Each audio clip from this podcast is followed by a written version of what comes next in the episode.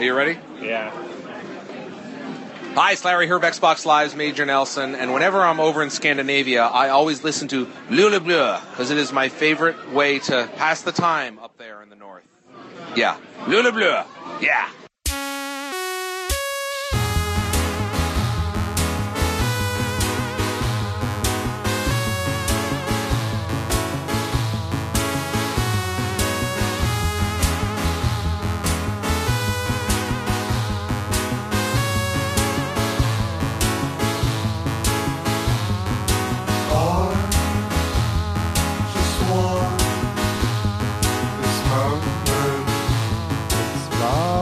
Sommerbrisen eh, ligger over Lolbua i kveld.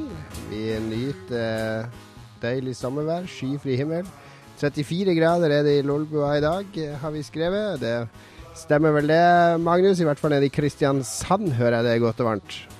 Egentlig ikke. Det er kaldere her enn det er i Oslo akkurat nå, så nå er det Det det tar litt kalde tid før jeg får mine nyheter fra Kristiansand, vet du. Jeg opererer Ja, med brevdue i stedet for uh, internett. Så det Det er alt vi har her, og det syns jeg det har fungert i mange hundre år. Og jeg skjønner hvorfor ikke det skal fungere optimalt ennå.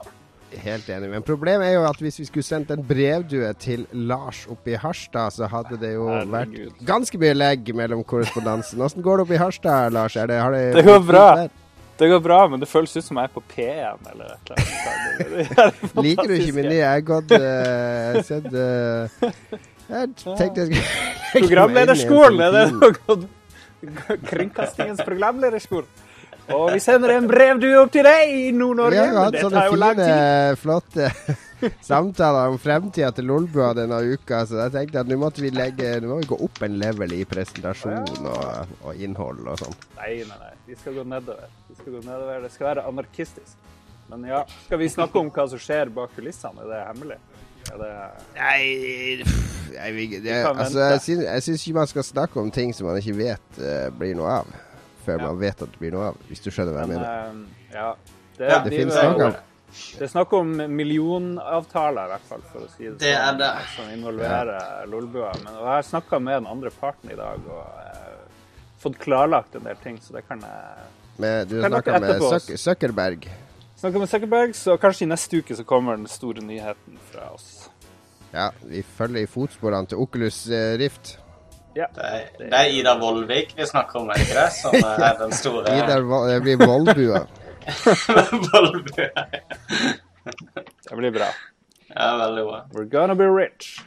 Nei da, alt er som normalt i Lolbua. Vi har bare Vi kommer vel med en ny nettside, forhåpentligvis. eh, vi sier at vi skal prøve å få det til i sommer, så da tenker jeg at det blir en gang før året er omme.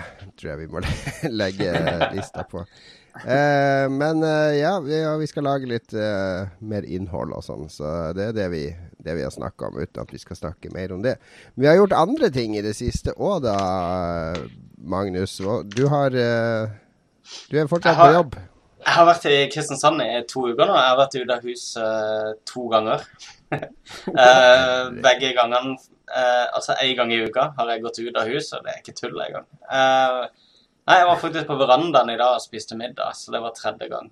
Men uh, det er for å dra på fest. Uh, bortsett fra det så har jeg egentlig bare sittet inne og enten jobba og så gått rett i gang med VM, og så VM, og så legge seg for å gå på jobb igjen dagen etterpå. Så, um, men jeg var på 20-årsjubileum for eh, barne- og ungdomsskoleklassen min i helga. Oi, oi, oi. Det er Ja. spennende. Ja, det var, det var veldig spennende. Så en eh, utrolig positiv opplevelse, faktisk. Bra folk. Ikke, hva var det folk sa til deg når de så deg for første gang? Gud og lite hår du har, Magnus. Du som hadde de svære rastafleddene. uh, nei, altså vi, Nå har vi jo teknologi som uh, Facebook til å eh, varsle hverandre om åssen vi Ja, ser ut. Ja, så det kom ikke som og- noe sjokk. Nettopp. Så jeg, jeg, jeg overhørte mange snakke om at de hadde stalka alle de andre. Og de hadde vel strengt tatt jeg også, før jeg kom, så jeg visste åssen alle så ut. der. Så Absolutt alle. Hvor liten klasse var det? vi var 30, men eh, vi var vel eh, rundt 20, tror jeg, som dukka opp der. Det var veldig kult. Det Eh, er bra oppmøte. ja, det skjedde i all minnelighet. eh, eh, Er det noen som har daua siden dere gikk på skolen? Sånn er det jo. eh, Det tror jeg har skjedd i min klasse. Nei, ingen som har dødd, faktisk. Ingen som har dødd. Ingen overdoser eller ulykke eller Nei, det har vært noen innom plata, og det var en på avrusning som ikke kom. Uh, Ja, nettopp. ja. Men eh, folk Det var noen du hata, og så nå så kunne du liksom uh, le litt av dem fordi de jeg, jeg har liksom aldri hatt noe sånn veldig sånn ekstreme forhold til klassen min. Eller det var han nazien, da. Men han er blitt uh, veldig OK, faktisk. Wow! Vi hadde et veldig anstrengt forhold uh, ganske lenge. Men han er langt ifra det nå i dag og oppfører seg dritbra. Kjempehyggelig kar. Litt rånete, men det liker vi. Så Og han var Det som var vittig, var ja, ja, han, ja jeg, kan, jeg kan snakke lenge om det, men jeg skal ikke det. Eh, det var en da som hadde med seg to liter med sånn her Fisherman's Friend-sprit på festen. Og, og ja, han hadde liksom sånn skulle bidra til fellesskapet. da, Dyre greier. Og ja, gikk rundt og liksom alle sammen sånn Ja, nå må du ta en shot, en shot Magnus, og sånn. Og så så så var det meg og Janne i klassen. Vi tok imot, og så bare mm, lata vi som vi drakk. Mens han shotta, da. Så han ble snydens. Han var den eneste skikkelig, skikkelig drita. Så han kasta seg på en sykkel uh, og skulle til byen for å drikke Ratseputz. um, og han, han ble da funnet en sånn der eh, time seinere, så var det noen som skulle kjøre ned til byen for å hente et eller annet. Og så så de ryggsekken hans sin liggende i gata.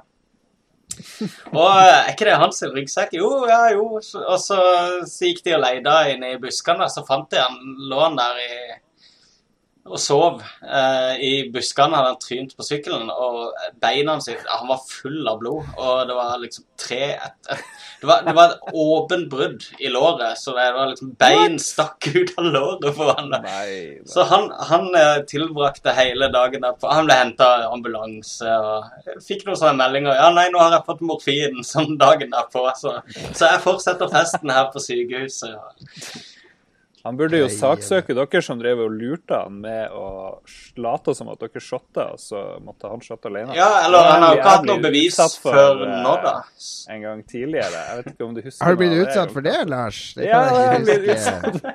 Jo, det husker jeg. Det var jo noe eh, Det var ene sida av bordet satt og helte ned på tyrkershots, mens de andre drakk cola i shotsglass. Det var jeg og Rune som drakk tyrkershots. ja, nei, jeg anbefaler han kompisen din, hvis han hører på, bare Godt. gå til rettslige skritt. Ja. For det der tror jeg er ulovlig. Jeg føler jeg har utstyrt han med den ammoen han trenger nå for å, for å, gå, til, for å gå til sak, så akkurat der eh, Moralsk sak står han veldig godt i. Det var litt solidarisk av meg, siden Nå han følte, jeg- nå følte jeg at det nesten var, var sånn sommeråpen-stemning her. Der jeg skal fortelle en morsom historie. Ja, så var det en ordentlig historie òg, liksom. Ja, nå er vi i det sommeråpent-landskapet som vi gjerne vil inn. For vi vil jo gjerne mot sommeråpent, ikke det her TV 2-programmet med de tre damene. Nei. Fordi det, det det så jeg litt av. Det var ganske kjedelig. Ja, det var jeg tror sommeråpent på NRK er litt mer classy. Definitivt. Det er jo, vi sikter mot stjernene, som sagt. Og, Vi sikter mot stjernene og Statskanalen som alltid. Hva har skjedd oppe i Harstad, Lars? Nei, det er nå puling og drikking. Det er nå stort sett det det går i. Bare for å Nei, det er ikke det, da. Men jeg vil bare komme bort fra den der pen-greia. du mente, Jeg vil- du mente eh, kuling og drikking? Det, det blåser der oppe, hva? Ja. Ja, nei, eh, seriøst så er det veldig mye puling, altså. Det er det. Nei, skal vi må vi slutte her. Husk at mora mi hører på det her, Lars. ja, men hun tåler det her. Mye mye. Ja, moder har slutta det. Men ja, I wonder why. Skal vi se, jeg har, eh, jeg har ikke Jeg har vært mer utendørs enn du har, da. Jeg var um, eh, på fjelltur med en kompis, eh, vår venn eh, Jens Arthur Leirbakk, som ikke du har møtt ennå, Magnus. Ja. ganger. Som, eh, han bør jo være en, en gjest en gang. Han er mye Han må være Han er veldig Han er hardcore på, eh, på rollespill, spesielt de her gamle SSI-spillene. Der er han tøff. Men vi dro på fjelltur, på fjelltur, og eh, plutselig begynte jeg å filme det. Også fordi vi drev og pratet så mye om Lord of the Rings, så da lagde jeg en film som ikke noen får lov å se, da, men det ble en sånn Lord of Aunfjellet, som det heter. Så eh, ja. Du kan ikke si at du har sånn laga en film, og så si Men den får ingen lov å se. Det er jo så dårlig Jo, men den, den er lagt ut på en sånn lukka gruppe for den eh, kompisgjengen oppe i Harstad. Men Jeg, jeg hvert skrevet fall, Jens Arthur, Jens Arthur står i, i motlys oppå fjellet, det er jo et genialt fjell, og så gjør han sakte sånn kata. Karategreier i solnedgangen. Det var ufattelig vakkert. Så, men eh, det å legge ut på Facebook er jo et helvete. Bare du har litt copyright av musikk, så nekter de å slenge ting ut. Så da ble jeg litt Ja, ja, ja, det gjør det vel. Så for YouTube så er det jo helt greit. Da bare får du ingen inntekter hvis du er så stor at du får inntekter, liksom. Men eh, ja. Ellers har jeg sett en del anime, er det det? Attack on Titan, les så ferdig den, fordi nå er masse ny anime ute på Netflix, amerikansk Netflix. Og det er jo litt gøy. Og det er ikke dubba, for jeg gidder ikke se dubba eh, japansk animasjon. Nei, det er fake. Og det her er et...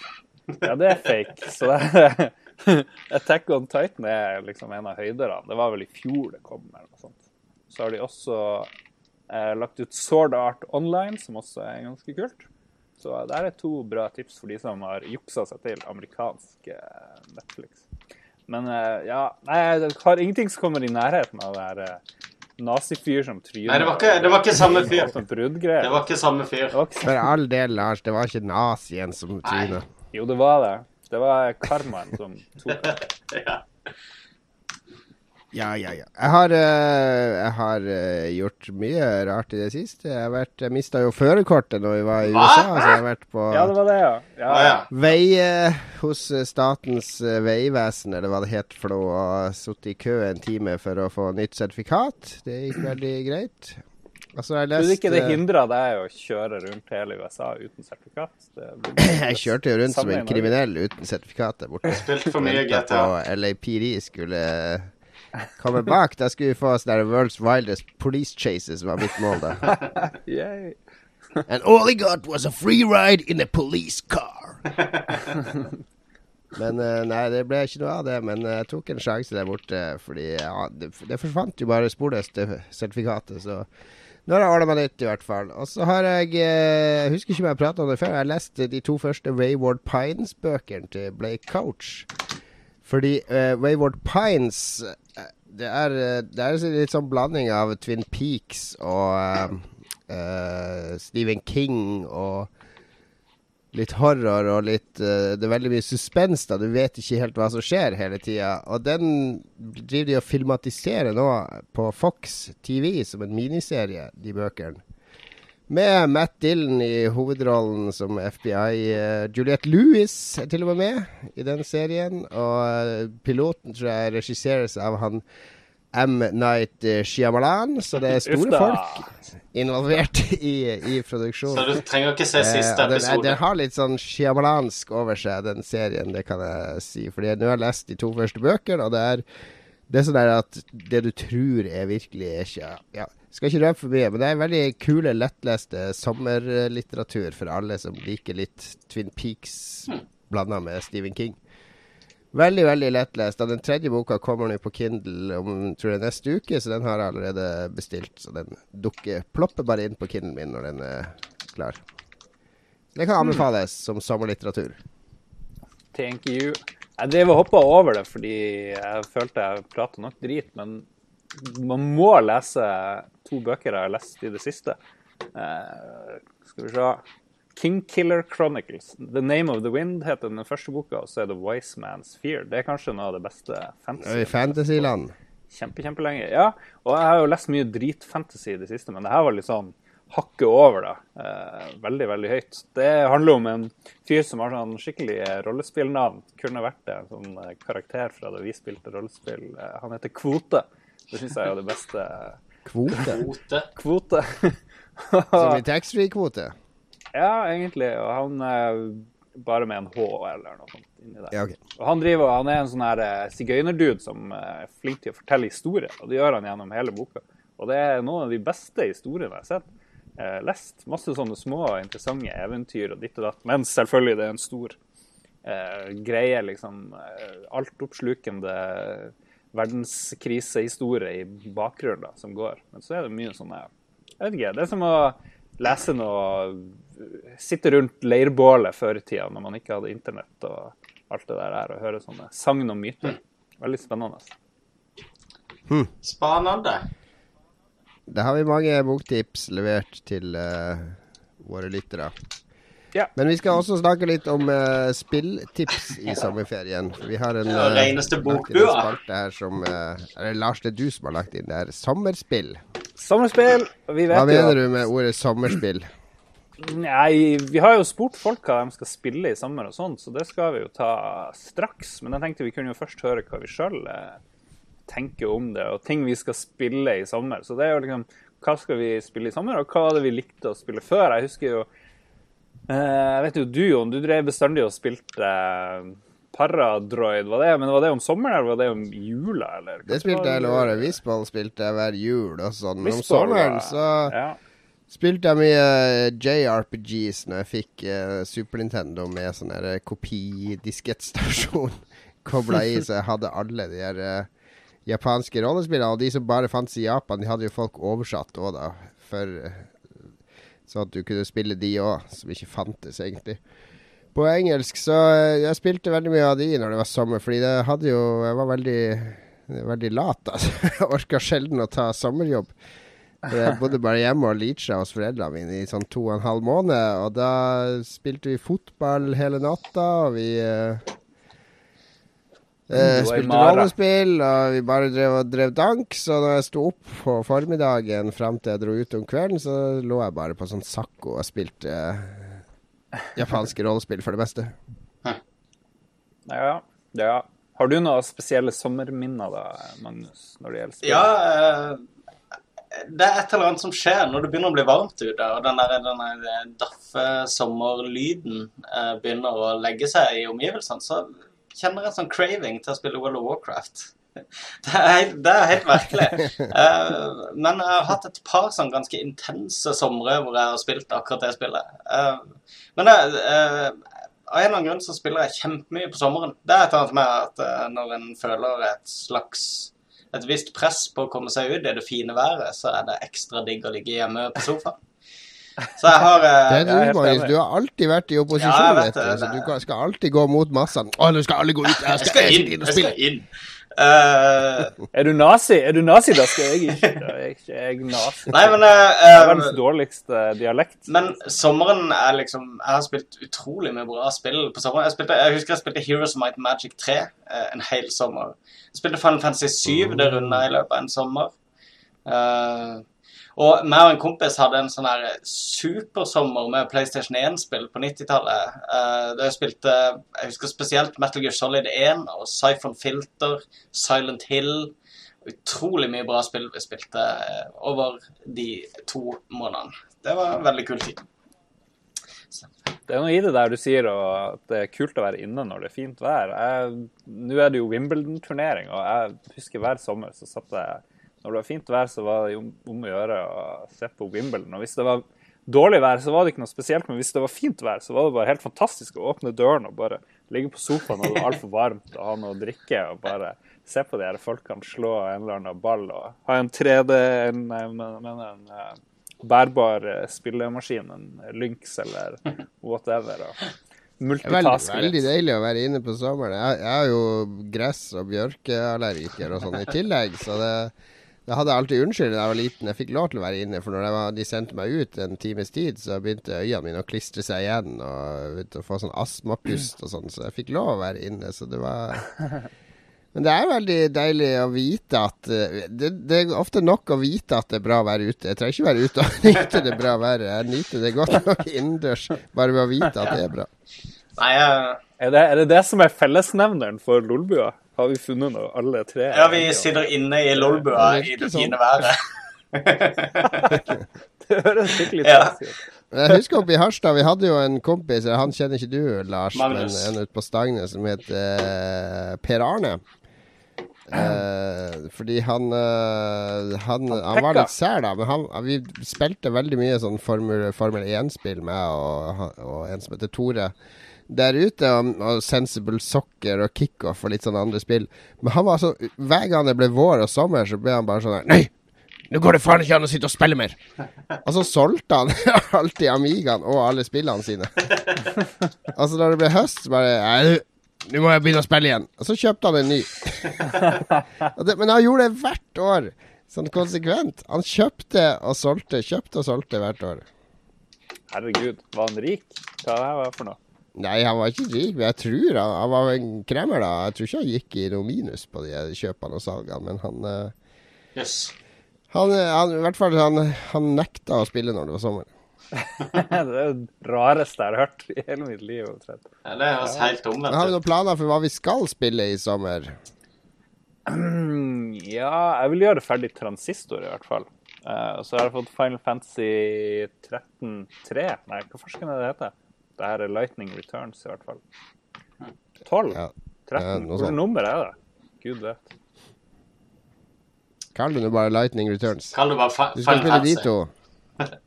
Ja, og så blir det sikkert eh, det jeg har spilt hele tida i det siste. Det blir vel litt eh, Heartstone, tenker jeg. Men uh, Mm. Transistor er et perfekt uh, sommerspill, tror jeg. Det kan bli bra. Hearthstone kan du faktisk ta med deg ut i sola også, Lars. Det er verdt å tenke på Nei, nei, nei. nei. I, på iPaden din. Man sitter inne foran TV-en. Enn du da, Magnus?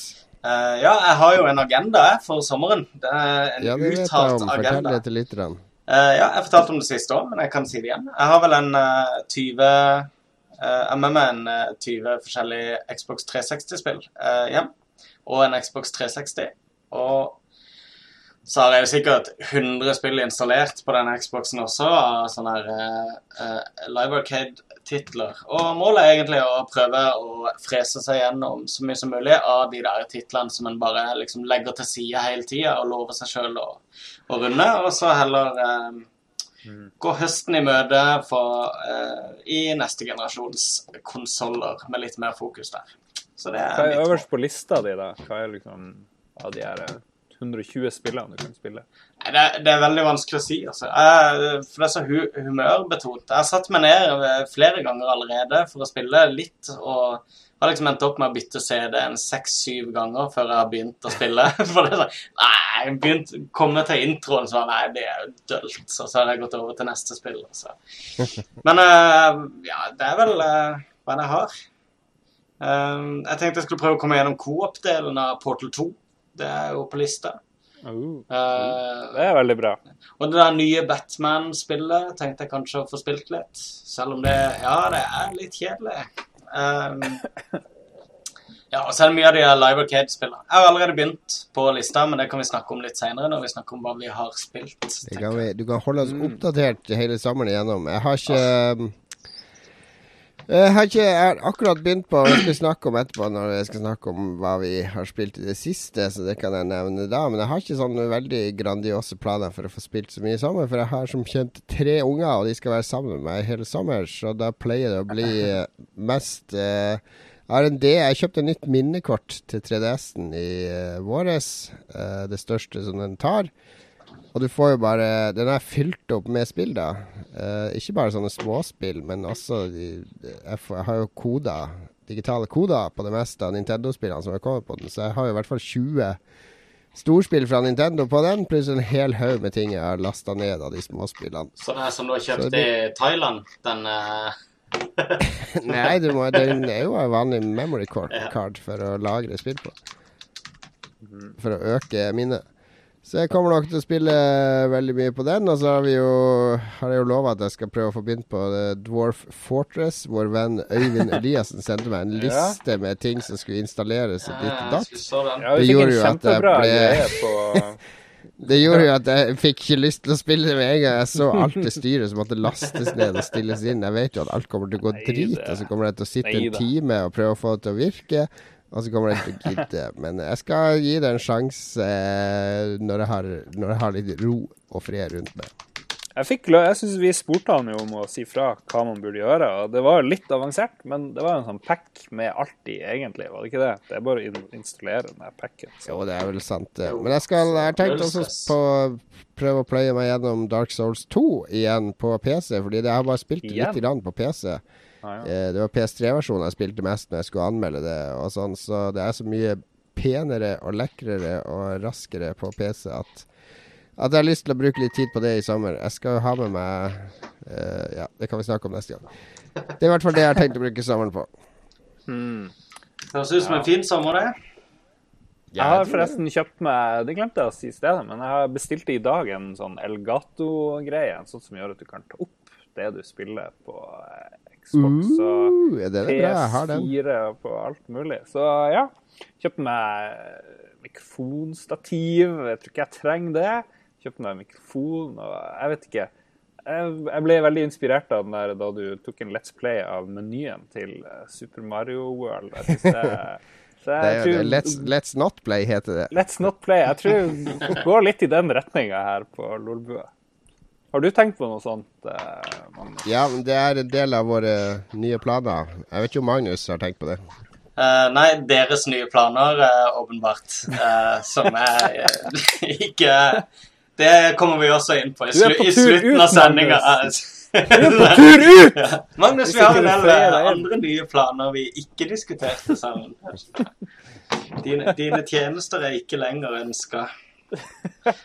Vi har eh, litt eh, forskyvninger på vårt vanlige program i dag, fordi Magnus sitter i et åpent kontorlandskap eh, omgitt av eh, det, Rundt Magnus på alle kantene, hvis han hadde kunnet snu kameraet, men det kan han ikke, så hadde vi sett folk som sitter og syr arbeidssko. Små barn, eh, små Kristiansand-barn som de har kidnappa fra Dyreparken, som sitter og syr arbeidssko til bedriften til foreldrene til Magnus, sant? Det er helt riktig. Vi har en hel uh, skokk med eh, Og her diskrimineres ingen. Her har vi barn av alle etnisiteter som er stjålet fra alle verdenshjørner, som, som jobber i kjelleren.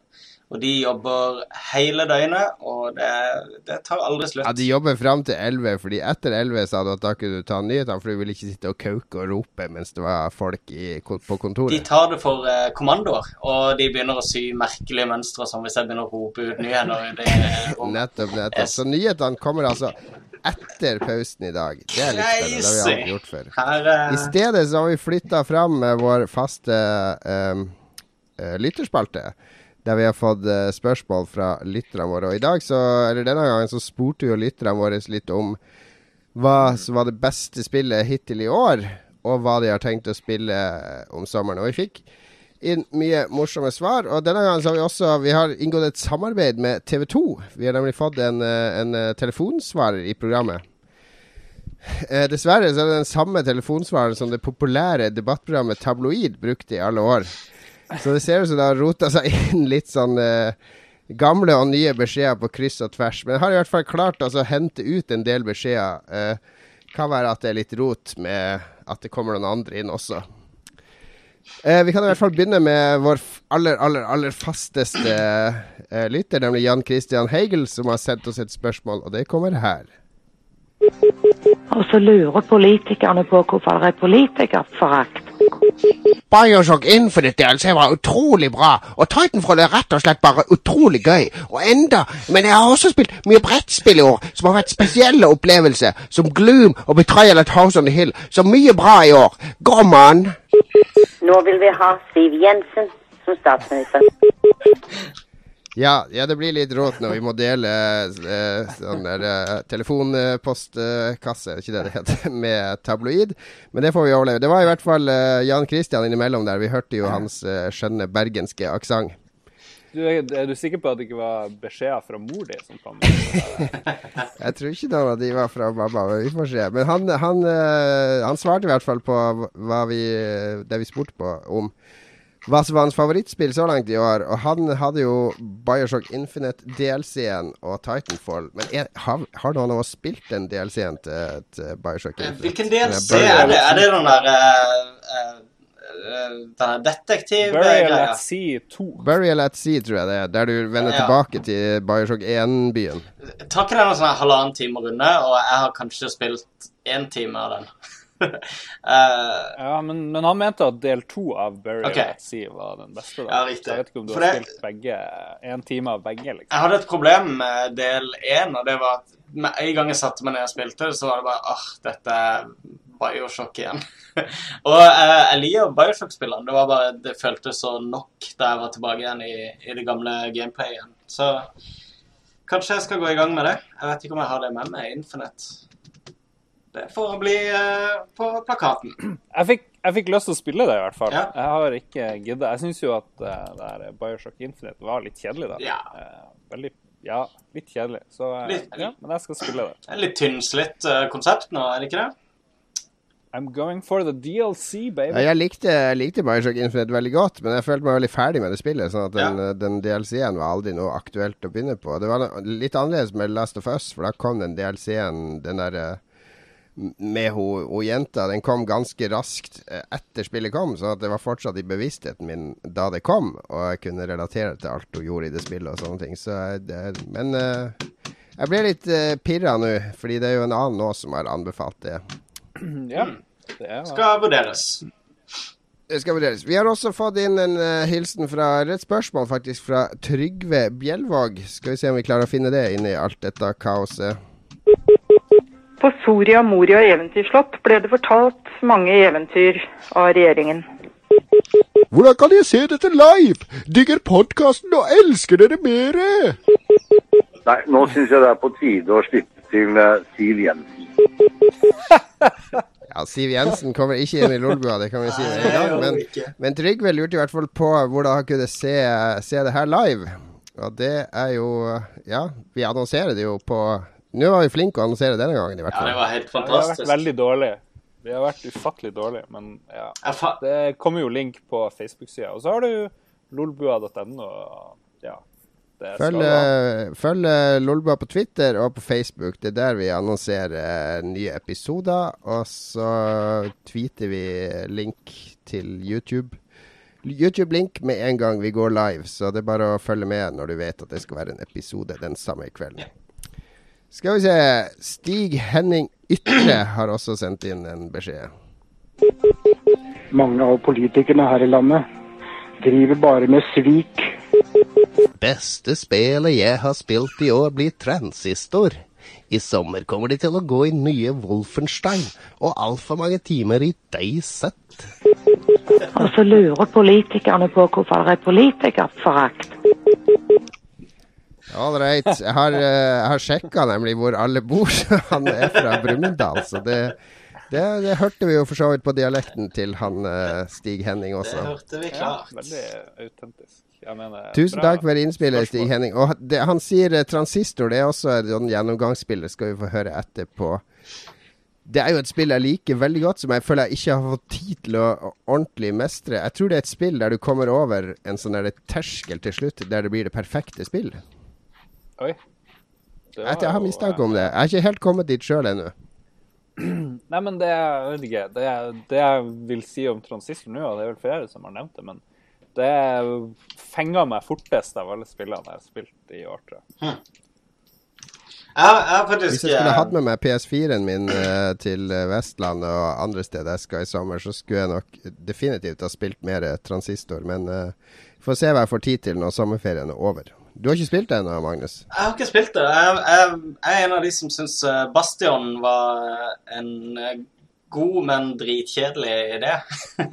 Jeg likte ikke Bastion noe særlig, og jeg så den annonseringa av Transistor og ble egentlig litt hypp på å spille det, men så i eh, eh, Det her ligner jo ikke i det hele tatt. Nei, Det er helt annerledes, Ja. bortsett fra det fortellerstilen og perspektivet. Så det, Ja. det handler helt om det kampsystemet som har eh, utrolig dybde. Uh, og det er det jeg har fått med meg nylig. Så det er også på lista mi for, for sommeren på teaserlista. Så transistor skal eh, testes. Absolutt. Bra, bra. Vi går over til min og Magnus sin felles venn, nemlig Tom Wilhelm, som har sendt oss et lite innspill.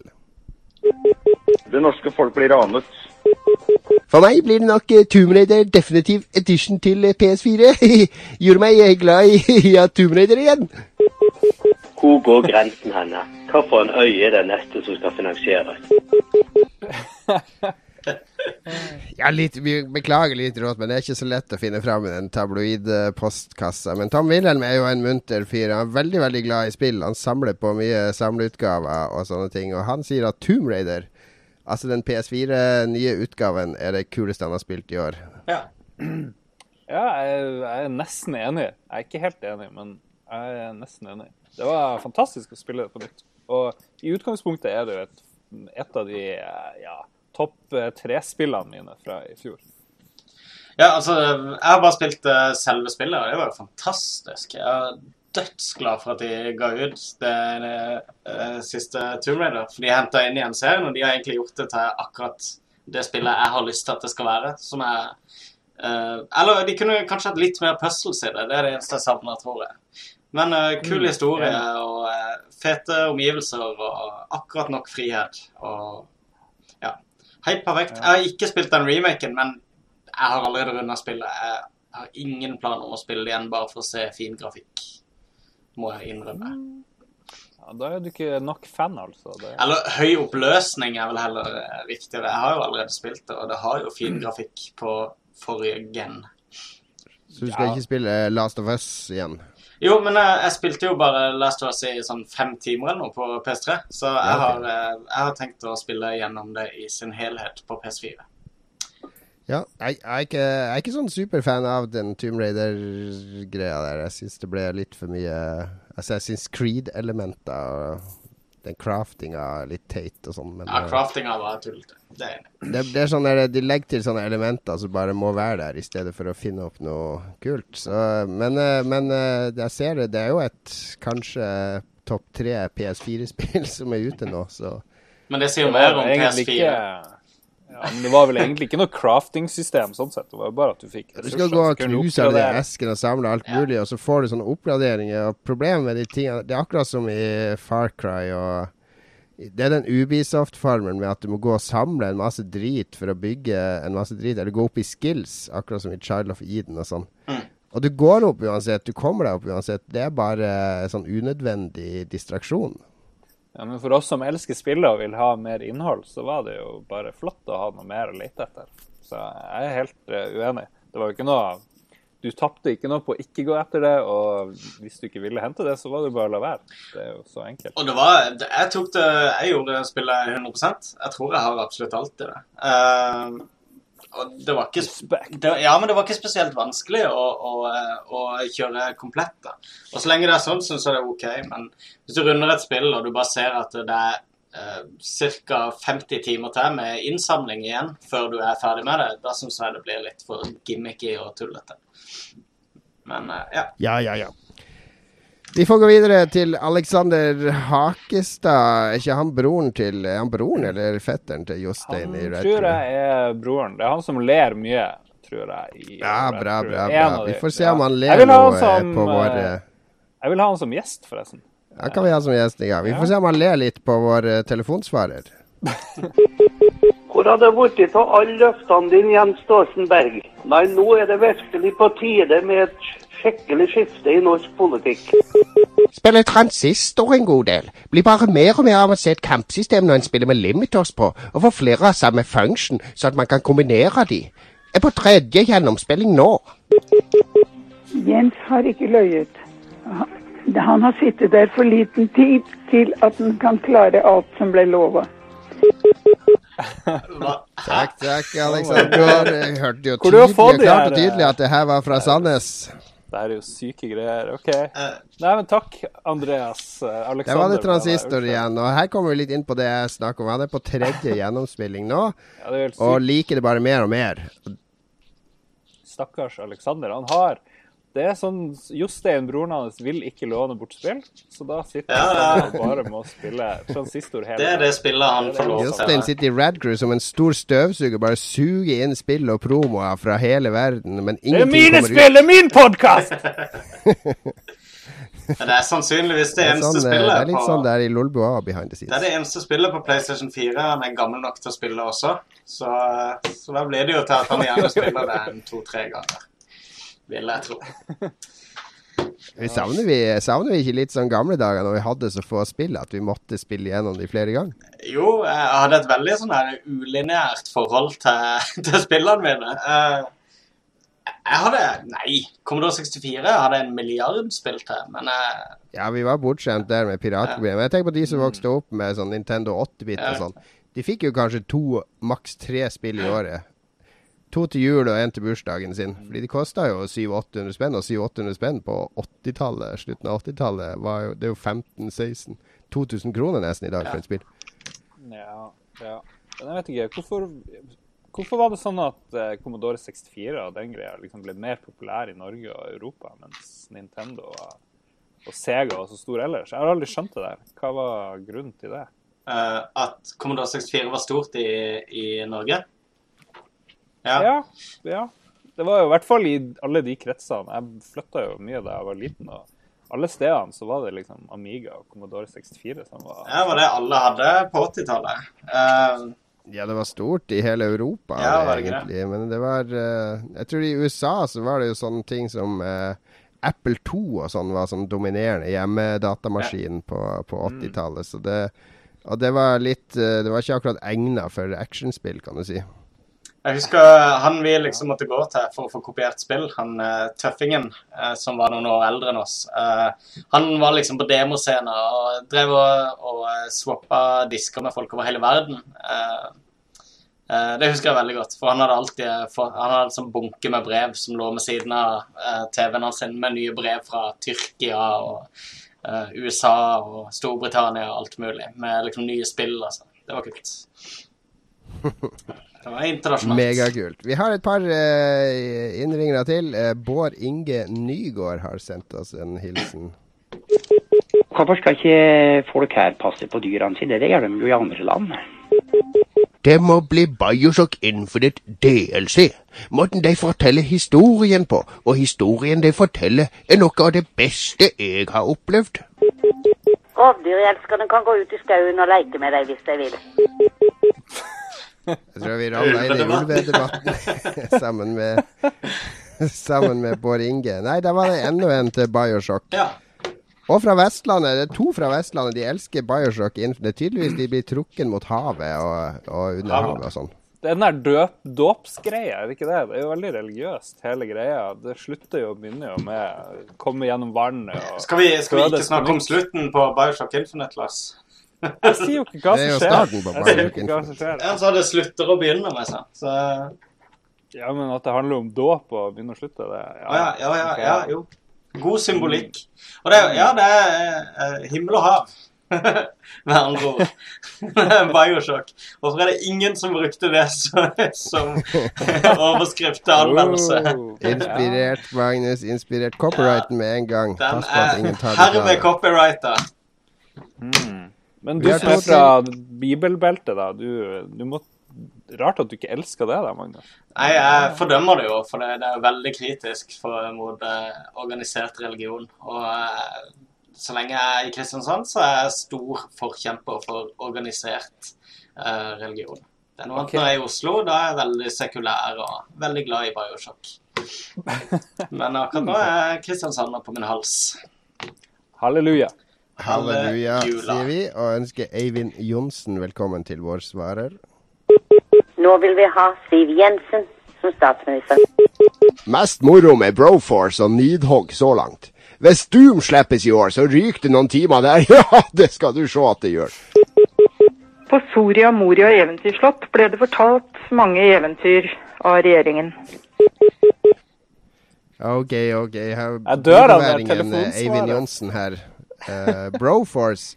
Har du, eh, er du inne på det ennå, Lars? Jeg, har bare sett det, Broforce, men jeg har ikke prøvd det. Jeg har gått og sikla på den Early Accessen, for det ser jo veldig, veldig ferdig ut. Og det nyeste de la til nå, var jo Mm. Indiana Jones, som du kan være der.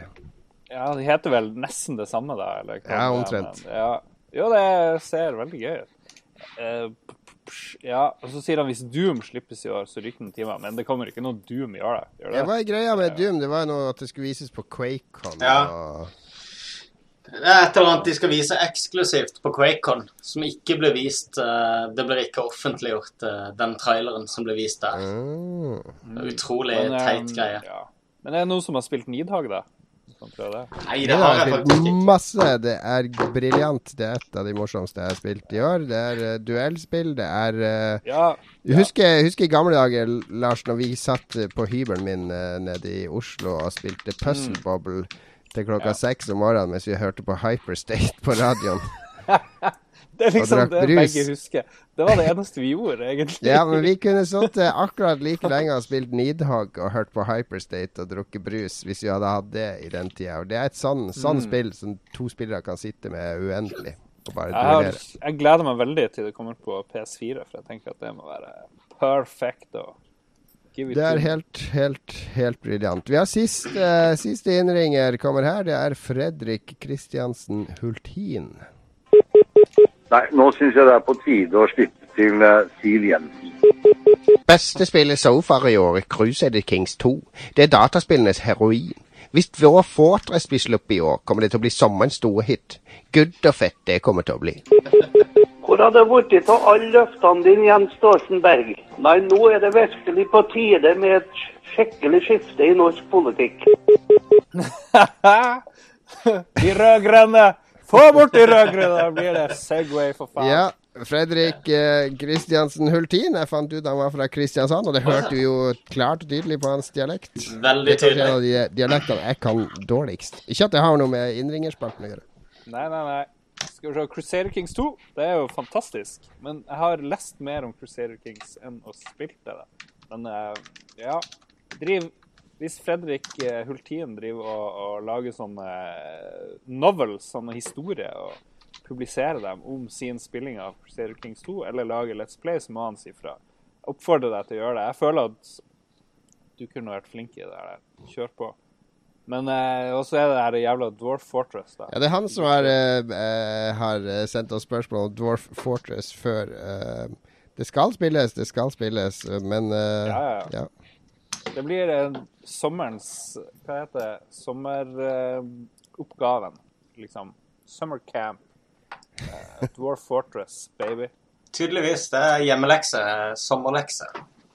Hvis det er noen som lurer på hvordan de skal starte med Dwarf Fortress, gå på Lolbua og finn der vi har spurt eh, Fredrik om hvordan man starter, og så har han skrevet en utfyllende og flott guide til det. Til hva som skal lastes ned og installeres. Så gå til Lolbua på Facebook, så får dere en briljant instruks for å spille Dwarf Fortress med grafikk. Er det noen som har spilt uh, Crusader Kings 2? Jeg prøvde, men det drev og krasja hele tida på min uh, Mac.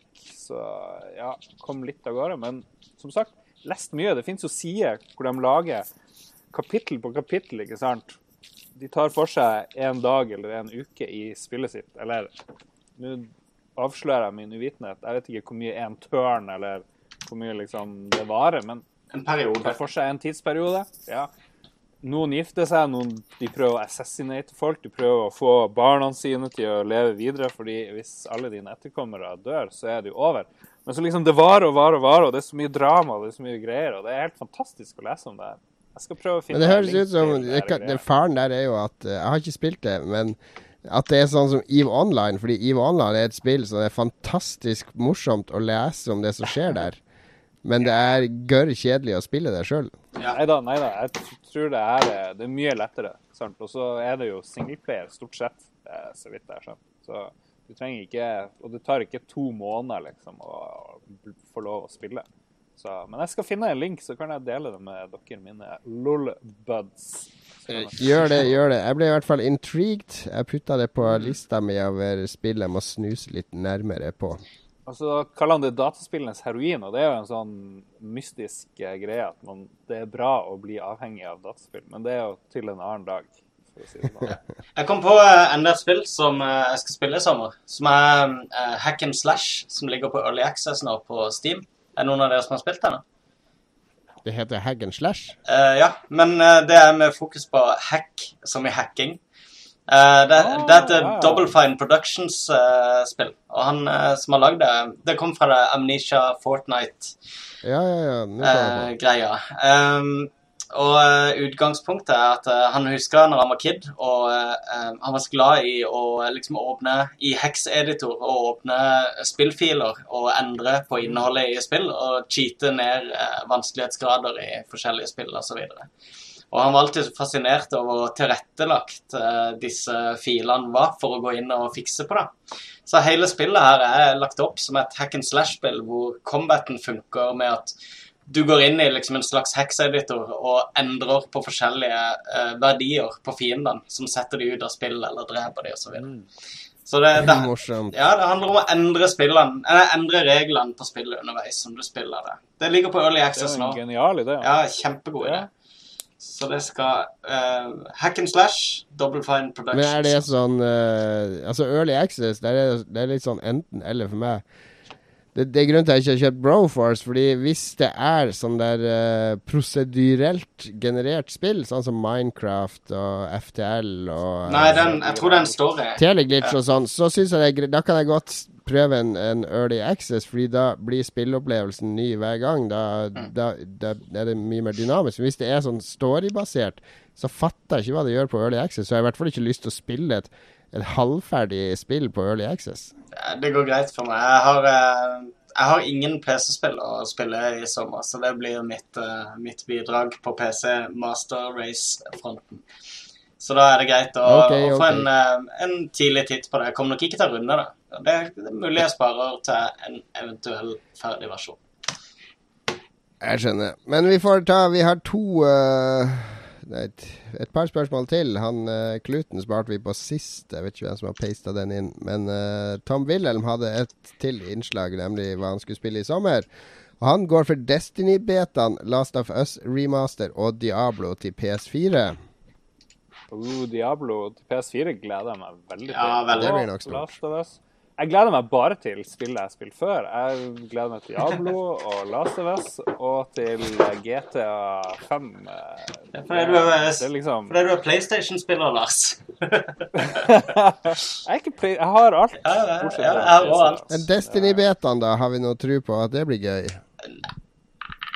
Det er jo tydeligvis veldig bra, ifølge de som har testa det. Ikke ifølge de tingene jeg har lest av rapporter fra de som har testa det. De har vært veldig skuffa. Du tenker på de på Xbox-forumet De som er så snutt med at det er masse PlayStation-eksklusivt? Ja, på Bill Gates sin blogg. Der eh, var det ikke noe stemning for det. Nei, eh, eh, jeg har lest flere Fordi de hadde en sånn Vi har snakka om dette for noen uker siden. At de hadde en pressetur hvor verdenspressa, de store mediene, fikk eh, eh, teste spillet. Og de fleste var eh, skuffa over at det var så generisk og eh, egentlig litt kjedelig lagt opp. Så jeg jeg, en pressetur, var det det var? Eh, ja, jeg regner med det var en pressetur. For det Ja, OK, men det, jeg snakker om de som spiller det. The, real game. Ja, riktig. Men, ja, men dette var førsteinntrykket, da. Så, så kan, kanskje de har uh, åpna opp andre deler av spillet til denne betaen. Du må ikke stole på Vi får se. Jeg har ikke tenkt å spille den betaen, faktisk. Du har ikke tenkt? Blir ikke, Faktisk. blir ikke tid til det. Nei. Bet Vi har et bonusspørsmål òg, eh, Ja. som vi fikk her eh, fra Simen Mortensen. Har dere sett mye på VM? Hvilket lag heier dere på? Jeg heier på Israel. Hva heier dere på? Israel, Israel. Uh, jeg vet ikke hvem jeg heier på. Jeg, jeg har sett alle kampene. Guds utvalgte folk. Ja, eh, jeg heier jo veldig på det andre Guds utvalgte folk, eh, nemlig USA. Som har hatt eh, fantastisk VM. De har vært dritkule. Eh, spillerne har nekta å, eh, liksom, å tryne og kaste seg og legge seg eller sutre eller klage til dommeren. De har bare vært sånn stå på, stå på, stå på. Helt annerledes enn alle de der latino-lagene som har vært i VM i år. Så de har vært et utrolig godt, friskt pust i, i VM. Litt trist da de røyk ut mot Belgia i går, men det var jo fortjent. Favorittlag? Jeg vet ikke. Det hadde jo vært gøy å se Argentina og Brasil i finalen, hadde det ikke det? Selv om jeg heier litt på Jeg heier veldig, Tyskland. jeg heier veldig på USA òg, da. Ja. Det gjør jeg. Jeg har sett alle de siste kampene. Er det, over, er det liksom ekstraomganger i absolutt alle Ja, ikke sant? i jeg begynner på jobb tidlig, ikke sant? og den siste kampen begynner klokka ti og varer til klokka tolv. Og så er det Altså, alle de sene kampene har enten hatt to ekstraomganger og straffekonk, eller bare to ekstraomganger. Så jeg, jeg, jeg, Men det er jo fantastisk. jeg sover jo ikke om Det var natta. et ilandsproblem. Ja, ja. ja. Faen ta, jeg må være oppe til halv ett i natt. Ja, fuck VM. altså, Nei, å, har, du sier, eh, du, du sier på, Brasil lider. Hva med meg som sitter oppe til ett? Ja, nettopp. For jeg heier på det brasilianske folk som har blitt overkjørt og revtatt av eh, Fifa og IOC, og som eh, blir sperra ute fra VM-festen, og som går rundt i gatene og protesterer, og ingen som rapporterer om det. Så jeg heier på folk. Men hvilket lag heier du på? Jeg, jeg går heller litt på USA, fordi jeg, jeg liker, likte USA, men uh, av de som er igjen nå Tyskland. Det Ja, hva er det høy som på er igjen? Tyskland, for de vinner alltid til slutt. Så. Hva er det som er igjen nå, da? Er Nederland? Nederland er med, men de, de har Robben, og det er umulig å like. Jeg heier på like. Tyskland fordi de har en spiller som heter Schweinsteiger. Ja, er det er det kuleste navnet du kan ha. Ok, men hvor mange, Si noe fort, fordi jeg vet ikke. Hvilket lag er det som er Eh, Nederland, Tyskland Eh, eh, Belgia, Argentina, Costa Rica, Brasil. eh, Brasil, Argentina, Colombia eh, Colombia? Ja. Eh, Da heier jeg på Colombia. ja, det gjør jeg egentlig. ja. De er, et fett lag.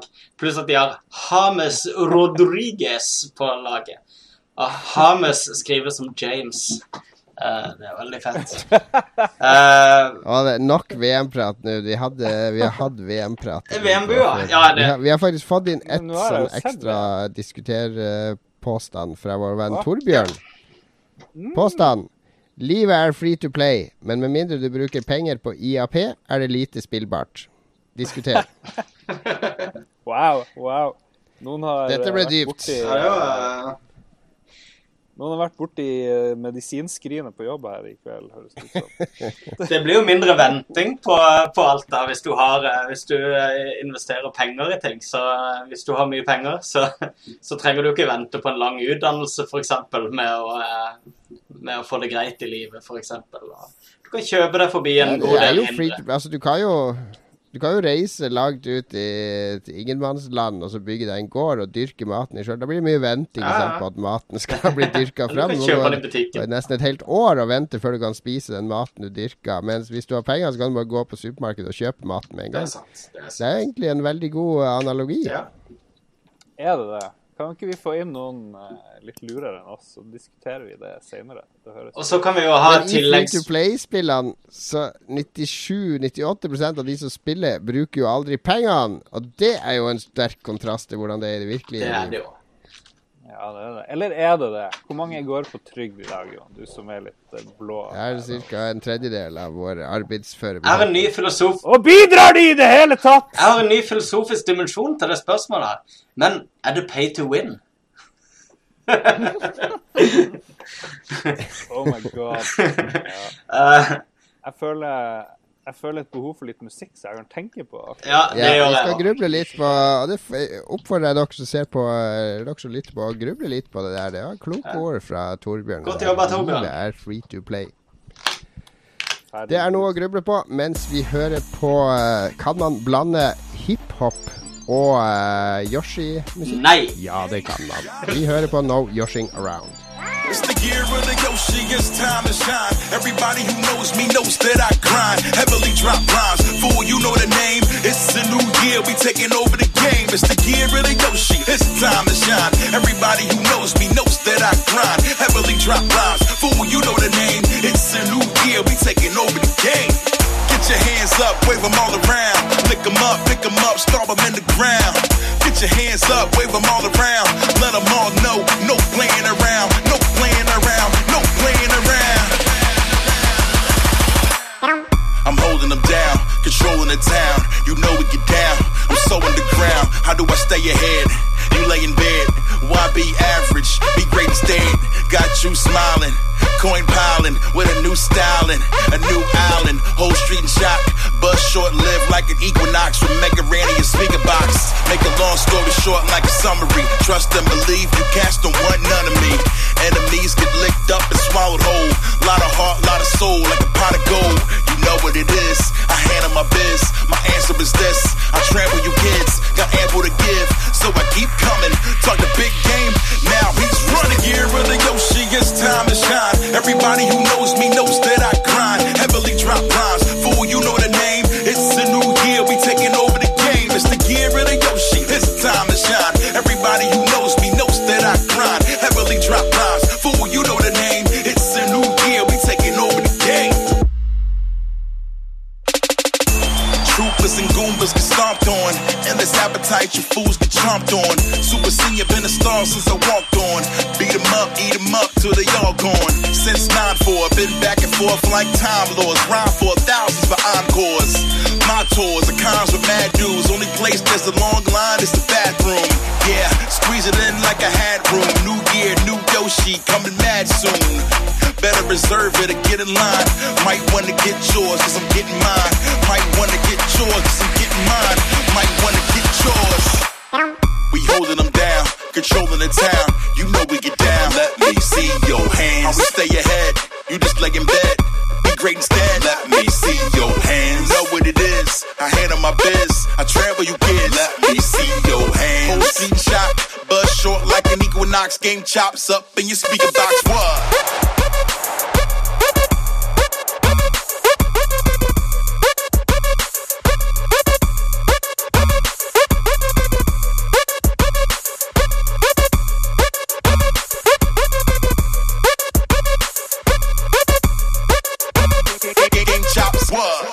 No Yoshing Around. Det var Kevin eh, Villeccio som har laga den eh, miksen, eller remiksen, av eh, Yoshi-musikk. Og Mega Ran på eh, vokalen, som eh, rappa der, altså. Den er fra en eh, veldig flott EP som bare Som heter Year of the Yoshi. Eh, der de bare har tatt eh, samples fra ulike Yoshi-nivåer, Yoshi-sanger, Yoshi-spill. Laga moderne dansemusikk ut av det. Funker som bare det, spør de meg. Eh, mye sånn moro å finne på Bandcamp. Og linken til EP-en og sangene det finner du som alltid på lolbua.no eh, i den eh, samme artikkelen der vi eh, Til episoden, selvfølgelig. Eh, vi er tilbake, Magnus. Vi skal snakke litt om eh, Lars løp plutselig av gårde. Han skulle sikkert fikse noe prekært. Men vi skal snakke litt om eh, noe som vi fikk inn flere lytterbidrag på, nemlig beste spill første halvdel av året. Vi hadde et par som mente det var Bioshock-DLC-en. Eh, Vi hadde en på Tomb Raider. Vi hadde et par på eh, Transistor, faktisk. Hva mener du, Magnus? Hva er det beste du har spilt første halvdelen? Og hvis du kunne skru på mikrofonen Der var han på. bra. Ja. Der var han på. Jeg har eh, tre spill jeg har uh, henta frem som de tre beste spillene i år. Eh, Så langt, i år. så langt i år, ja. Og eh, jeg må jo si Heartstone som en, eh, en eh, ganske solid ener. Det har eh, definitivt spist opp eh, livet mitt. Um, ja. I tillegg så eh, Ja, og det har eh, ført til at jeg har eh, begynt å sitte på Twitch i timevis og se på Det var på det spillet som fikk deg til å oppdage Twitch. Ja, egentlig. egentlig. Ja. Selv om jeg har vært innom det. Men nå har jeg virkelig oppdaga det. Har, har du sett alle achievementsene jeg har i Twitch på Xbox One? Nei. Jeg tror, jeg tror det er sånn at du får sånne achievements for å se sånne ti timer i strekk og sånn. Jeg lurer på om jeg har den. Men eh, i hvert fall Um, Jeg vil også hente frem uh, i hvert fall uh, Titanfall, som jeg syns har vært et fabelaktig spill. Og nå husker jeg ikke nummer tre, som jeg egentlig hadde tenkt ut. Men det var ikke noe sted å skrive det ned i dokumentet, så var glemte det. Ok, Titanfall og Heartstone de står som noe av det største så langt for det. Ja, definitivt. Ja, for meg så er det, det er ganske kjedelig, da. Det er, eh, det er Dark Souls 2 som jeg føler drar meg tilbake. Selv om jeg egentlig er ganske ferdig med det, så må jeg bare tilbake. Eh, jeg prøvde den DLC-en som kommer på E3. Og Det var ikke noe revolusjonerende, det, men det, det er bare enda en grunn til at jeg må tilbake. Jeg må, jeg må oppdage alt, mestre så mye som mulig og, og bli så lommekjent med den verden at den føles som min egen. Så, så det er Dark Souls 2 som, som Er ruller høyest for Hvorfor er det kjedelig? Skal du drive og sell yourself Litt forutsigbart. Man skal jo helst komme med sånn der eh, Det er jo ikke forutsigbart. Ingen av oss to kommer til å nevne Dark Souls 2 med et ord. Man skal jo helst komme sånn til å dra opp en sånn derre Jeg skulle helst dra opp sånn ukjent indiespill som ingen av dere har spilt ennå. Som jeg har sånn og spilt i all hemmelighet. Sånn der Sometimes Always Monsters eller noe sånt. Som for øvrig er på min topp tre-liste over spill så langt i år. Ok, ok. Din uh, hipster-kred er redda. Bra.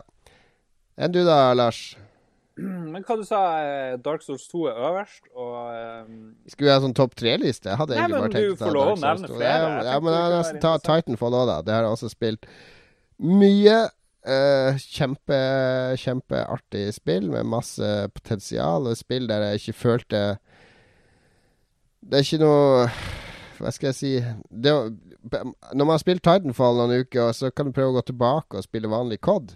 Det er en grunn til at de har inn, tatt med sånne jetpakker i nye Call of Duty.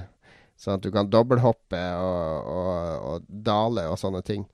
Fordi å gå tilbake til Call of Duty etter å ha spilt mye Titanfall, det er som å, det er som å miste en fot, nesten, når det gjelder å manøvrere og bevege seg. Helt enig. Jeg har litt, litt annet syn på Titanfall. Hva er ditt syn på Titanfall? Jeg skal ikke hoppe inn. Nei, jeg venter på min tur, jeg. Det er din tur nå. Jeg er ferdig. Det er. Nå har jeg tatt tre spill. OK, OK. Jeg noterte Jeg gikk gjennom alle spillene jeg har anmeldt. Eh, Jeg har spilt mer enn jeg har anmeldt, men det var en fin måte å minnes på det. Jeg skrev opp Jeg bare tar det Det er litt sånn stigende rekkefølge er det egentlig. Uh, Jazzpunk, Broken Age, Tomb Raider. Tomb Raider, ja, ja, den må med. South Park, uh, Stick of Truth var stor. Final Fantasy 10, eh, den der HD-versjonen. Ai, ai, ai. Og så Jeg vet ikke om det er på tredjeplass, men det ble nå Det havna nå der, da. Tredje, du har lest opp fire-fem allerede, og så skal du Jo, jo, men det er fra, fra nedover og oppover, da. Ja, er. Stigende rekkefølge. Så da havna plutselig Boom Beach der. da. Jeg vet ikke om jeg egentlig mener det, men jeg har spilt det hver dag da, i, siden det kom. okay. nesten. Det er, og jeg er ikke noe spesielt god i det, men jeg nekter å bruke penger og sånt, så da blir det jo sånn det blir. Um, skal vi se Heartstone. Eh, det bør egentlig komme øverst, da. Men jeg nevnte det før transistor. Og transistor er kanskje mitt nummer to-greie. og på ingen sted i denne lista så er det her eh, Hva dere kalte det? Titanfall. Det er jo en av mine skuffelser i år. Men jeg har gitt det kanskje litt for lite sjanse. Men jeg, jeg vet ikke. Jeg føler ikke at det, det Titanfall var noe sånn stor suksess, egentlig. Hvor, hvor, er, hvor er alle folkene som snakker om Titanfall, egentlig? Det De er det. noen, men de spiller det. Ja, men jeg vet ikke. Jeg føler at Titanfall bare kom og forsvant egentlig ganske fort. Jeg ser det konstant på vennelista mi at eh, folk sitter og spiller det, faktisk. Det er liksom go to FPS-en for de som spiller online-shootere. Jeg ser ingen som spiller. Call of Duty lenger, f.eks. Jeg skrur jo ikke på Xbox One min, da, så det Nei. er ingen god grunn til å skru det på. Det, Nei, Så du mener er at det eh, i stua di er det ingen som spiller det? Ja, ingen av mine PlayStation 4-venner spiller Titanfall. Men, men sånn ellers på nettet, hvis jeg er på Neogaf, hvor er alle de Titanfall-trådene, liksom? Det, jeg vet ikke. Ikke at uh, Neogaf er det største, men jeg vet ikke.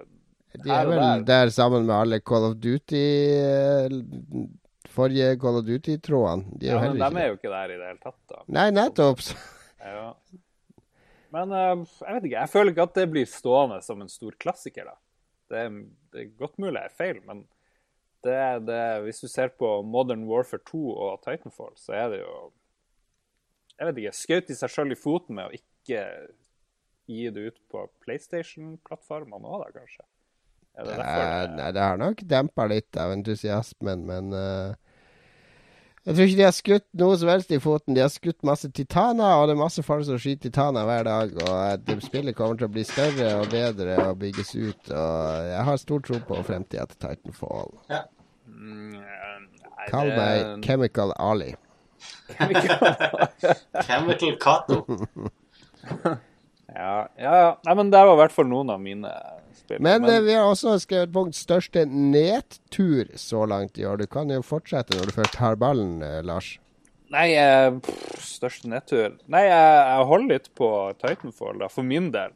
Jeg trodde det skulle være manna fra himmelen, men jeg bare ble ikke fenga, altså. Sorry, Max. OK, OK. Enn du da, Magnus? Jeg tror det var Watchdogs. Det var Jeg vet ikke hvorfor, men jeg, jeg er litt glad i hype. Eh, og, og jeg klarer alltid å stå imot hype helt frem til sånn to dager før. Og så begynner jeg å bli sånn Ja, men kanskje det er dritstort og dødskult, egentlig. Jeg prøvde jo å dehype deg på Watchdogs i et år. Jeg vet, jo, jo, men eh, som jeg sier, jeg klarer å stå imot helt frem til eh, lanseringsuka. Og da begynner det å klø i lommeboka. Og eh, det skjedde denne gangen òg. Og For det, eh, altså eh, Hva heter det eh, spillet fra Var det fra Chinatown? Eller det der asiatiske Nei, Hongkong GTA-spillet som kom for et par år siden. Hva heter det? Sleeping Dogs. Ja, riktig.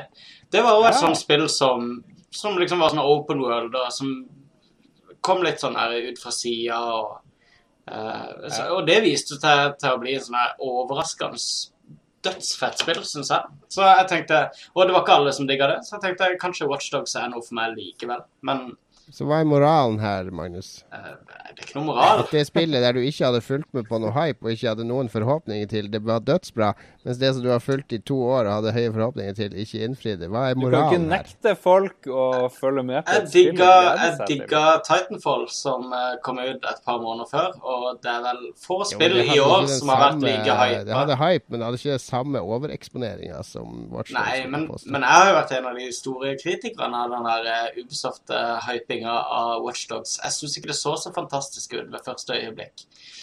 Men Hva eh, er problemet? Hvis du hyper et spill, så må det jo være bra. Hvis det ikke er bra, så blir du skuffa uansett. Sånn er det jo egentlig. Det men du må ikke hype så mye for deg sjøl, er jo mitt poeng. Altså, Ja, men de det blir jo ikke et bedre spill i seg sjøl om du hyper det eller ikke. Det er jo det spillet det er.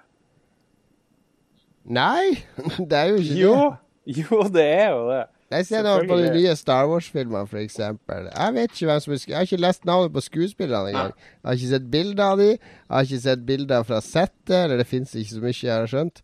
Men jeg, jeg gidder ikke å følge med i det hele tatt på dem, for det kan jeg heller gå inn i kinosalen og så bli overraska. Mm. Tror du ikke jeg Det er større sjanse for at jeg blir gledelig overraska av filmene, enn at jeg blir skuffa sammen med han som har fulgt med på absolutt alt og sett alle trailere og alle klipp og alle bilder og lest alt. Men nå begynner det her å bli sånn Jon Magnus-samtale, bortsett fra at jeg er Magnus her. Men det er jo eh, Forskjellen er jo at Watchdogs hadde ingen eh, Det var ikke noe Star Wars 456, eller det var ikke noe Watchdogs 456 da du venta på Watchdogs, så sammenligninga funker liksom ikke. Ja. Jo, fordi spillerne Hver gang et spill blir annonsert og det kommer en teaser-trailer eller noe concept art eller et eller annet, så er det mange som er skuffa over at Star Wars 1313 ikke ble noe av. Og det eneste du har fra spillet, det er en fake trailer og en masse concept art, og de sier å, det hadde blitt så dritbra! Fordi spillet eksisterer jo bare oppi hodet deres. Og det er samme med Watchdogs. Det eksisterer oppi hodet ditt i to år som det perfekte spill, fordi det blir presentert som et fantastisk, fantastisk, fantastisk spill. Og så blir det jo ikke det, fordi det, du kan jo aldri matche det du, det du går og surrer og har oppi hodet ditt. Men du, tror du at du blir skuffa over det nye Zelda da, etter å ha sett den der eh, teaseren på E E3? Nei, det tror jeg ikke. Det er akkurat nok. jeg kommer ikke til å se så mye mer fra Zelda. Jo, jeg ser jo Nintendo pleier ikke å hype spillene så mye. De gir ut korte trailere. De sier litt mer i Nintendo Direct, men uh... Men det er jo hypa de luxe. Det er jo megahype. Og det kommer sikkert ikke før om et par år. Men jeg kan i hvert fall si at eh, jeg er enig i sentimentet ditt, for så vidt, Jo Cato. Eh, Men det, det var bare ikke tilfellet akkurat her. Det passer ikke helt inn på akkurat åssen det var med meg. Passa ikke. Hæ? Og Nei, det passer ikke inn uh, på akkurat dette tilfellet. For jeg har ikke latt meg hype i to år ta- i forveien. Det er et spill som har vært jo, jo, jo, men hvis vi skal ta For jeg ser Lars som har lagt inn alle lese-lytterspørsmål, han har jo sensurert et spørsmål fra Andreas Hva? Røise Haakonsen. Jeg har ikke sensurert noe som helst. Som har skrevet Forresten så er favorittspillet mitt så langt i år nok faktisk Watchdogs. Niks, jeg kødder ikke. Jeg var så heldig at jeg unngikk hypetoget frem til det sto på siste perrong, og endte opp med å kose meg skikkelig. Til tross for de småfeilene sensurert. spillet hadde. Det står på. Facebook-gruppa vår. Jeg har lest det. Ja, ja, unnskyld, det var ikke med vilje. Nei, det som er den store skuffelsen med, med Watchdogs, er åssen Idet du setter deg ned og spiller det, og du bare føler på den produksjonskostnaden som er lagt i spillet, og mye energi det er Det er et storspill, det er jo ingen tvil om når du spiller det. Men så, så bare faller det gjennom når det kommer til helt sånn basic gameplay-elementer. Det var det som var skuff for min del. da. Det er veldig pent å se på. Den skal de jo ha. Jeg er helt uenig, men vi trenger ikke å ta den Watchdogs-diskusjonen en gang til. Oi, har vi har enda et leserspørsmål her. Skal vi spare det til neste uke? Hmm, ja, vi har, eh, ja han, eh, Andreas spør jo òg om uh, om, det var, om vi har god samvittighet og å sitte innom sommeren, og det snakka vi egentlig ganske mye om uh, før pausen. Vi Veldig elsker å sitte innom sommeren, og det kan du gjøre med god samvittighet. Det er uh, Vi ser på det som en uh, stor uh, Hva heter det når du går Ikke en ære, men Privilegium. Ikke privilegium. Når du har gjort noe som du er litt sånn stolt av, kan vise fram. Eh, prestasjon. Ja, det er, vi- vi går liksom sånn, stolt på jobb når høsten kommer og er like bleik som da sommeren begynte, mens andre kommer sånn sommerbrune inn på, på jobb etter sommeren er over. Ja, jeg skjønner hva du mener. Men vi har fått spørsmål fra Ivan sjøl. Dere får velge om vi skal snakke om det nå, eller vente. Har vi spilt Sniper Elite 3? Det er et veldig godt spørsmål. Jeg fikk det i dag, så kanskje jeg skal spille det.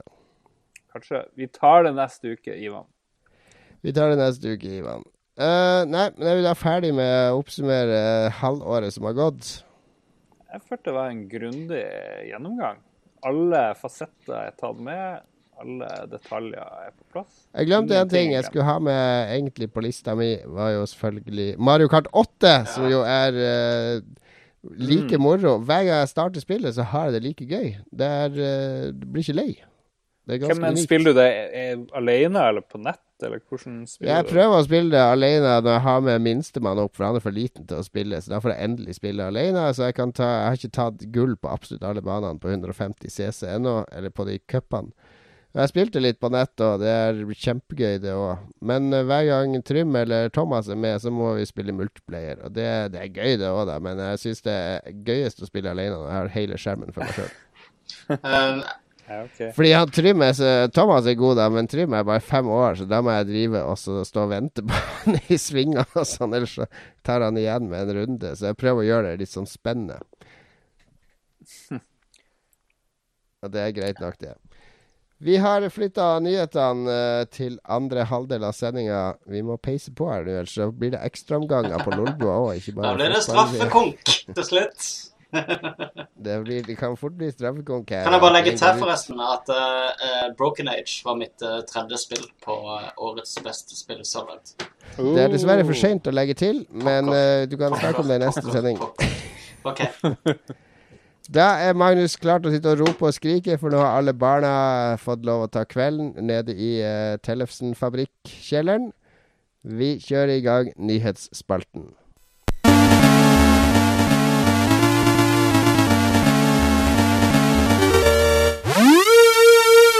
Kvinnelige gamere er stengt ute.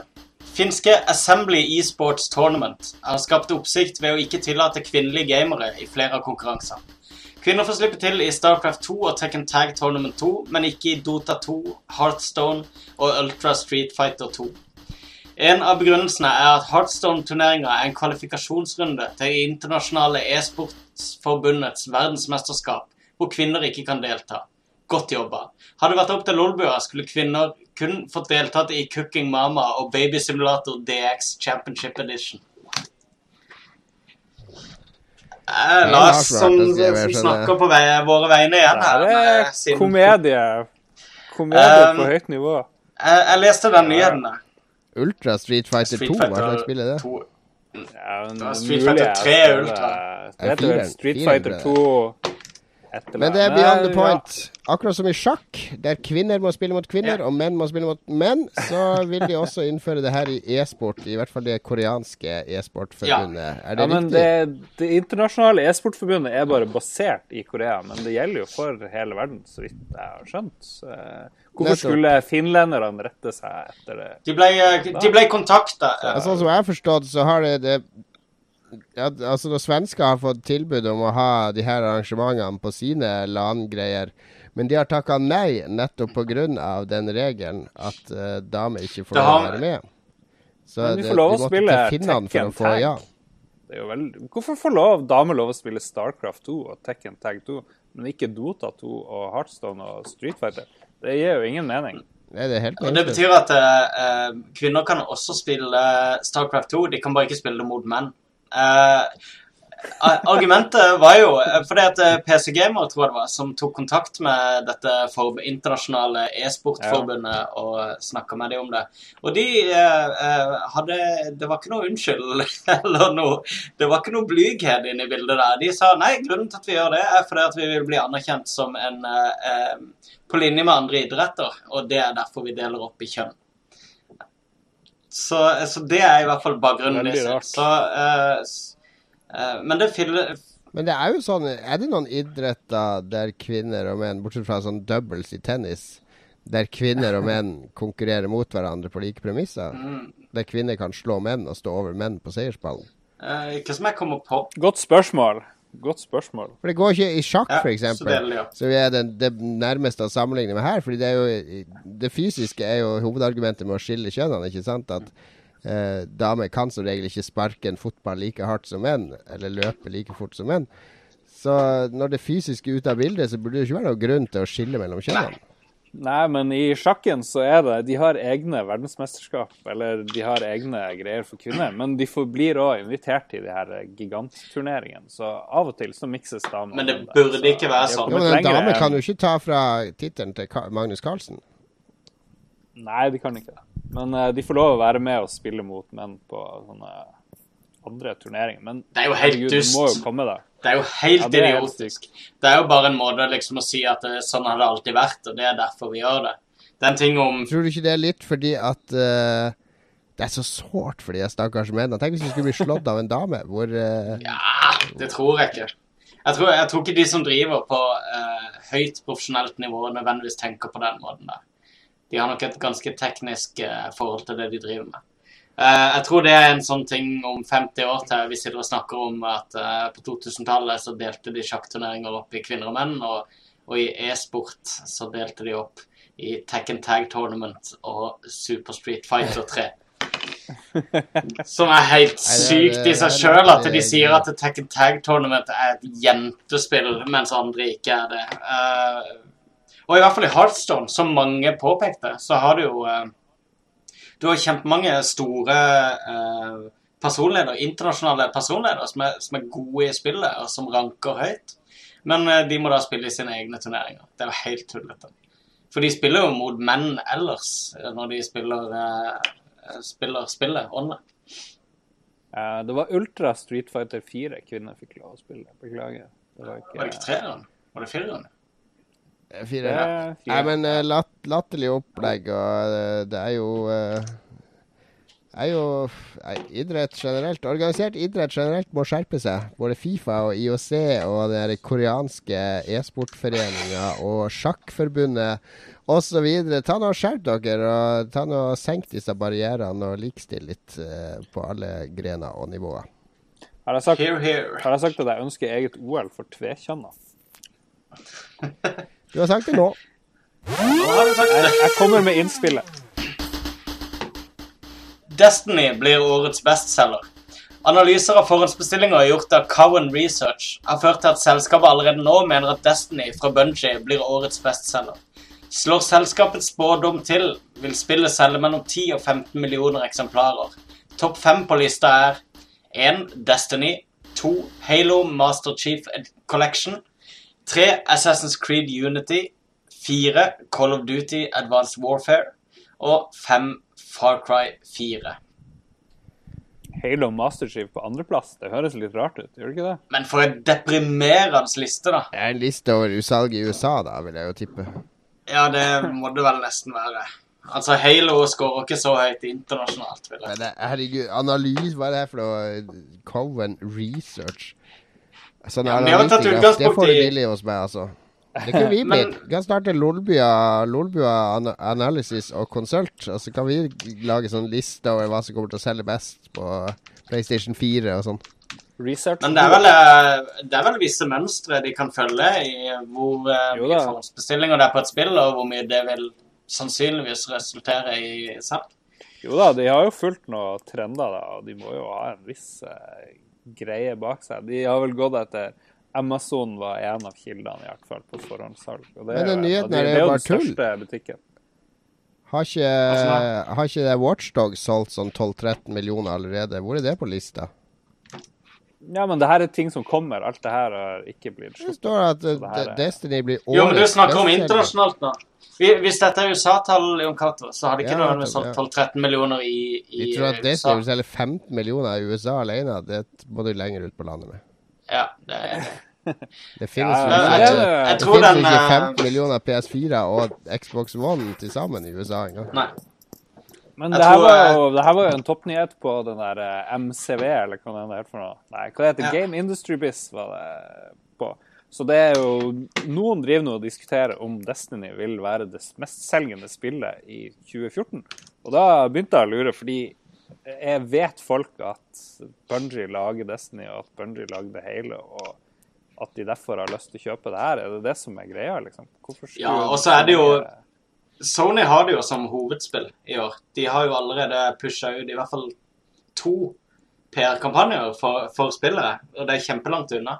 Og det er beta i gang nå, så det er ikke så rart. Det er veldig mye trykk på tittelen, og det, det, det er veldig mye oppstyr rundt det. Så, men jeg tror eh, det at det er en såpass tidlig beta som det er nå, kan uh, At vi eh, kanskje etter et par måneder med beta vil kunne si litt sikrere hvorvidt vi tror dette kommer til å selge bra eller ikke. Jeg skal spise hatten min hvis Destiny blir årets mest solgte spill. Det er. Dere hørte det her, folkens. Dere hørte det Jeg her. hørte det her. Jeg skal spise hatten min. Kommer det, okay. det kommer i september. Jeg skulle bare si det kom i september. Så beklager. Kjør på! Kjør på tromming! Jeg, jeg prøver å få sånne smoothe overganger at Trom! jeg ikke trenger å si. Og der kommer en nyhet til hver gang jeg skal starte den, men bare at den starter sånn uh, dynamisk. Men eh, det er tydeligvis eh, Vi er ikke kommet til det nivået ennå. Nei, vent, vent litt, jo. Vent. Jeg skal si noe. Nei, jeg Lindsay Lohan versus Rockstar. Den skandalebefengte skuespilleren Lindsay Lohan har beslutta å gjøre truslene til alvor og går nå faktisk til sag mot GTA-skapet Rockstar Games for å, få, for ifølge henne å ha rappa personligheten hennes til den bortskjemte dattera til Michael DeSanta. Tracy DeSantas liv som bortskjemt riksmannsdatter med et enormt eksponeringsbehov og grusomt destruktivt livsmønster er noe hun garantert kjenner seg igjen i, men hvorvidt det holder i retten, vil tiden vise. Det blir ikke å holde i det hele tatt. Det er jo bare tull. Det der er jo Ja. bullshit. Jeg, jeg, jeg syns det står litt respekt eh, ut av å liksom plukke den muligens minst spiselige characteren i hele GTA-universet og si at det er jo det ikke, er det er jo ikke dattera som hun, det er jo Lazy Jonas. Ja, jeg vet det. Jeg Det var det, var det det? For det, det Ja, det er jo der Lazy Jonas, hun der som du forfølger med han paparazzien. Hun som eh, har sex ved sånn svømme... ah, Stemmer, stemmer. Ja, jeg tar selv kritikk på den. Jeg leste jo nyheten tidligere. Det er så utrolig nasty. og Det var det jeg tenkte på først. At den mest nasty karakteren i hele spillet, og så kjenner du deg igjen. Ja. ja, så sier du liksom. Ja, men det er jo meg. Gi meg penger. Som er akkurat det den karakteren ville gjort. Stemmer det? Det er de der paparazzi-missionsene, ja. Ja. Ja, det, eh, jeg driver og har kveldsvaktgreier nå i forrige uke og denne uka. Og da har jeg, når jeg har kommet hjem, så har jeg sett på eh, noe sånn her reality, grusom reality-serie med Lindsay Lohan. Av en eller annen grunn har jeg sett eh, en hel episode. Og da driver hun og styrer rundt og oppfører seg litt sånn som hun der eh, dama i GTA. Så jeg skjønner jo for så vidt at hun eh, har lyst til å saksøke. Men samtidig så prøver hun å være flink og snill. og driver det er det der Opera-selskapet, det der Owen, som prøver å lage dokumentarserie, men det det stort, går i, stort sett går i, det er at hun Lindsay Lohan ikke møter opp når de skal filme, og Oprah må komme og prøve å prate med henne, og ditt og datt. Så jeg, jeg skjønner ikke det her. Men ligner hun dama i spillet på Lindsay Jeg Lohan? var blond. Nei, Jeg, jeg, jeg slo meg ikke i det hele tatt. Nei, ikke heller da jeg spilte det. Ja. Spenn det. Spenn det nyhet, folkens. Ja, det er noe i ånden hjemme. til spillet òg, da. Så det er jo litt sånn metakommentar på, på hele spillet sin uh, Altså, at råtne, skitne, kjendisfokuserte verden. Jeg håper hun får ti millioner, for jeg tror hun trenger de millionene til å leve videre. Fordi hun ser stygg ut, hun har liksom fucka opp karrieren. Og øh, hun er jo helt mislykka kvinne, så bare fuck off Lindsay Lohan. Jesus Christ. Vi har fått, eh, vi har fått oppdatering fra Torbjørn sitt spørsmål om at livet er free to play. Ja, han hadde en ekstra kommentar, så jeg.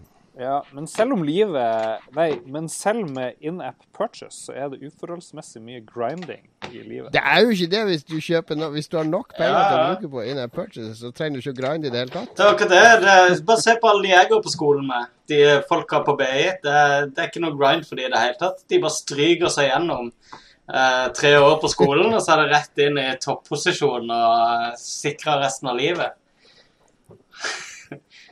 Ja, nei. Nok penger, så blir det ingen in-app. Pay to win. Pay to win. Yes.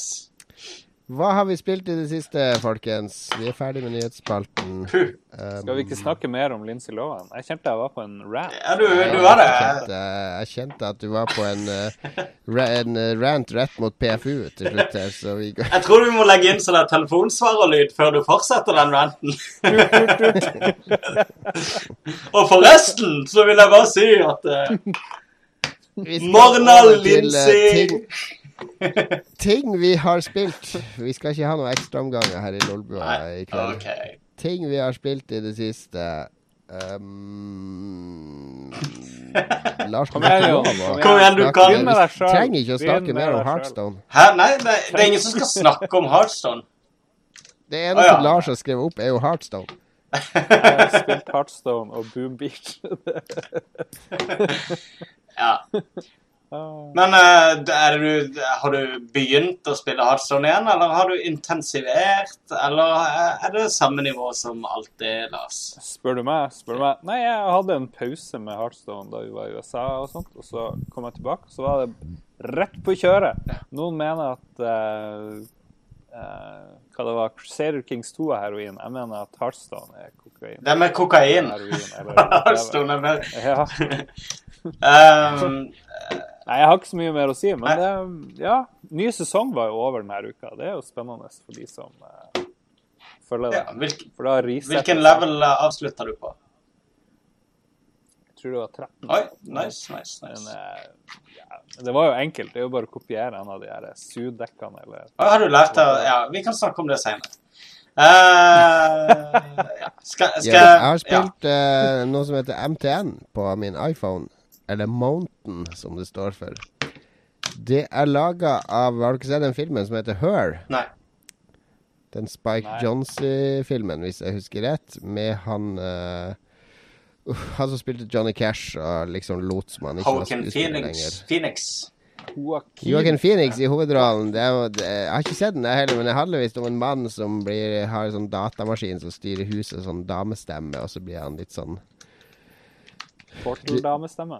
Ja, og så blir jeg litt sånn uh, forelska i den, og det er- handler om digital hverdag og sånne ting. Så jeg har skjønt. Men i den filmen så er det masse sånne småspill han spiller, sånne hologramspill og sånn.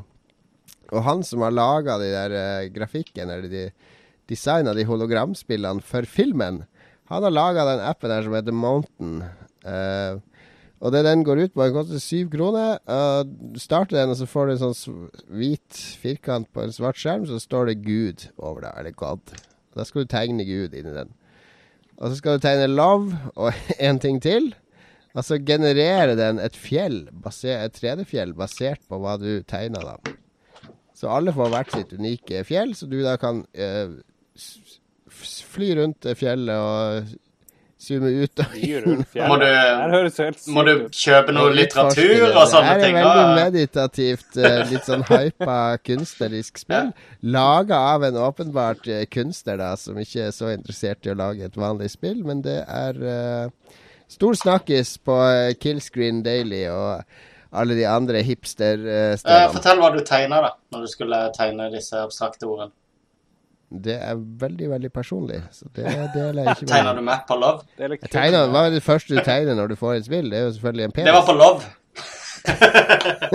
Det var på God. Children. Hva du tegner der? Så nei, jeg tegna det et eller annet. Jeg var mest interessert i å komme meg til det fjellet. Og det fjellet det ble fint nok, det. Det var noen rare lyder der og sånn, så jeg har ikke utforska det så mye ennå. Men det er, eh, det er verdt å sjekke ut for noe eh, Ti minutters meditasjon for syv kroner, det er vel Funker vel, det? Eh, Sånn 1,20 i minutt. Jeg har, også, jeg har også begynt på Det eneste spillet jeg kjøpte på Steam Summer Sale, var vel egentlig ikke på salg, men det var i hvert fall nedsatt i pris. Var Shadowrun Dragonfall, som er den utvidelsen til fjorårets Shadowrun-rollespill, som ble Har du lansert på spilt Steam. noe av det? da? Ja, jeg har begynt på det. Jeg har spilt to timer. Det er mye bedre story-setting enn det spillet som fulgte med eh, det, det originalspillet. Da snakker vi brettrollespill, Du får- Eller snakker vi Mm, digitalt ja, rollespill? Ja, nå snakker vi digitalt. Kjøpt Ah, ja, på. Steam. Ja. Eh, Det er, eh, det er sånn 3D-isometrisk view. Og Vi befinner oss i Berlin, og så starter det med at du er en del Du har rømt dit, selvfølgelig, fordi det var masse trøbbel der du kommer ifra. Og så er du med i en sånn gruppe der ei sånn venninne av deg leder gruppa. Og så er det selvfølgelig Du skal inn i et sånn slott og stjele en sånn gammel skatt. Og så er det selvfølgelig en ambush der, og så går ting galt. Og så må man begynne å nøste opp hva som har skjedd. Og Eh, kult at det foregår i uh, Berlin, syns jeg, og ikke i Seattle, som vi har, i hvert fall meg og Lars, har besøkt en million ganger i penn og papir-rollespillet Shadowrun. Uh, blir litt sånn annerledes setting, og så er det mye bedre dialog enn det var i det forrige. Mye bedre karakterer, virker det som. Så det er noe jeg skal spille eh, ferdig Er det noen konsollplaner på det, eller er det en PC-ordentlig tittel, tror du? Det er ren PC. Det er egentlig laga som en sånn plattform Mac for å ja. lage egne Eller lage egne scenarioer og spille i, da. Og så kom det med et sånn ferdiglaga scenario fra de som lagde utviklingsverktøyet. Riktig. Ja, det ser jo, det ser jo pent nok ut, det. Jeg likte det første spillet òg, da. Jeg syns det var helt OK. Jeg likte det, jeg òg, men det her er faktisk kulere. Så det er, hvis du likte det første Shadowrun, så er det vel verdt å kjøpe den her. Skal vurderes. Det er bra. Jeg har kjøpt det, men jeg har, ikke, jeg har glemt at jeg kjøpte det. Så, ja. Shadowrun. Men det er Ja, Jon, det har, jeg ikke, det har du ikke fortalt om i det siste. Er det fremdeles liv i penn og papir? eh, ADHD-kampanjen? ADD? Jo, Det er denne nye- sommerferie nå, så vi begynner igjen i august. Men jeg har akkurat begynt på legendariske oppdraget Tomb of Horrors, som de egentlig regna med å få avliva et par av de i. Så vi får se åssen det går når de tar opp tråden igjen til høsten. Da vi var i USA, så fikk jeg høre at folk var rimelig nervøse før de spillingen, fordi alle driver og nesten dør med jevne mellomrom. Det er ganske bra balanserte kamper. Jeg har funnet ut at jeg har et sånt talent for å akkurat eh, Akkurat klarer å hive nok fiender etter dem til at det blir på håret. Men de klarer seg alltid. Det kommer jo nye, nye, edition, gjør det ikke det? Det kommer nå eh, til høsten.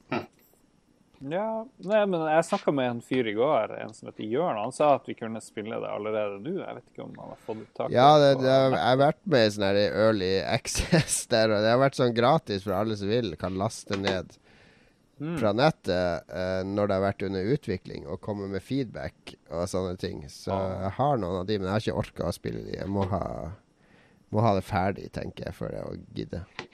Ok.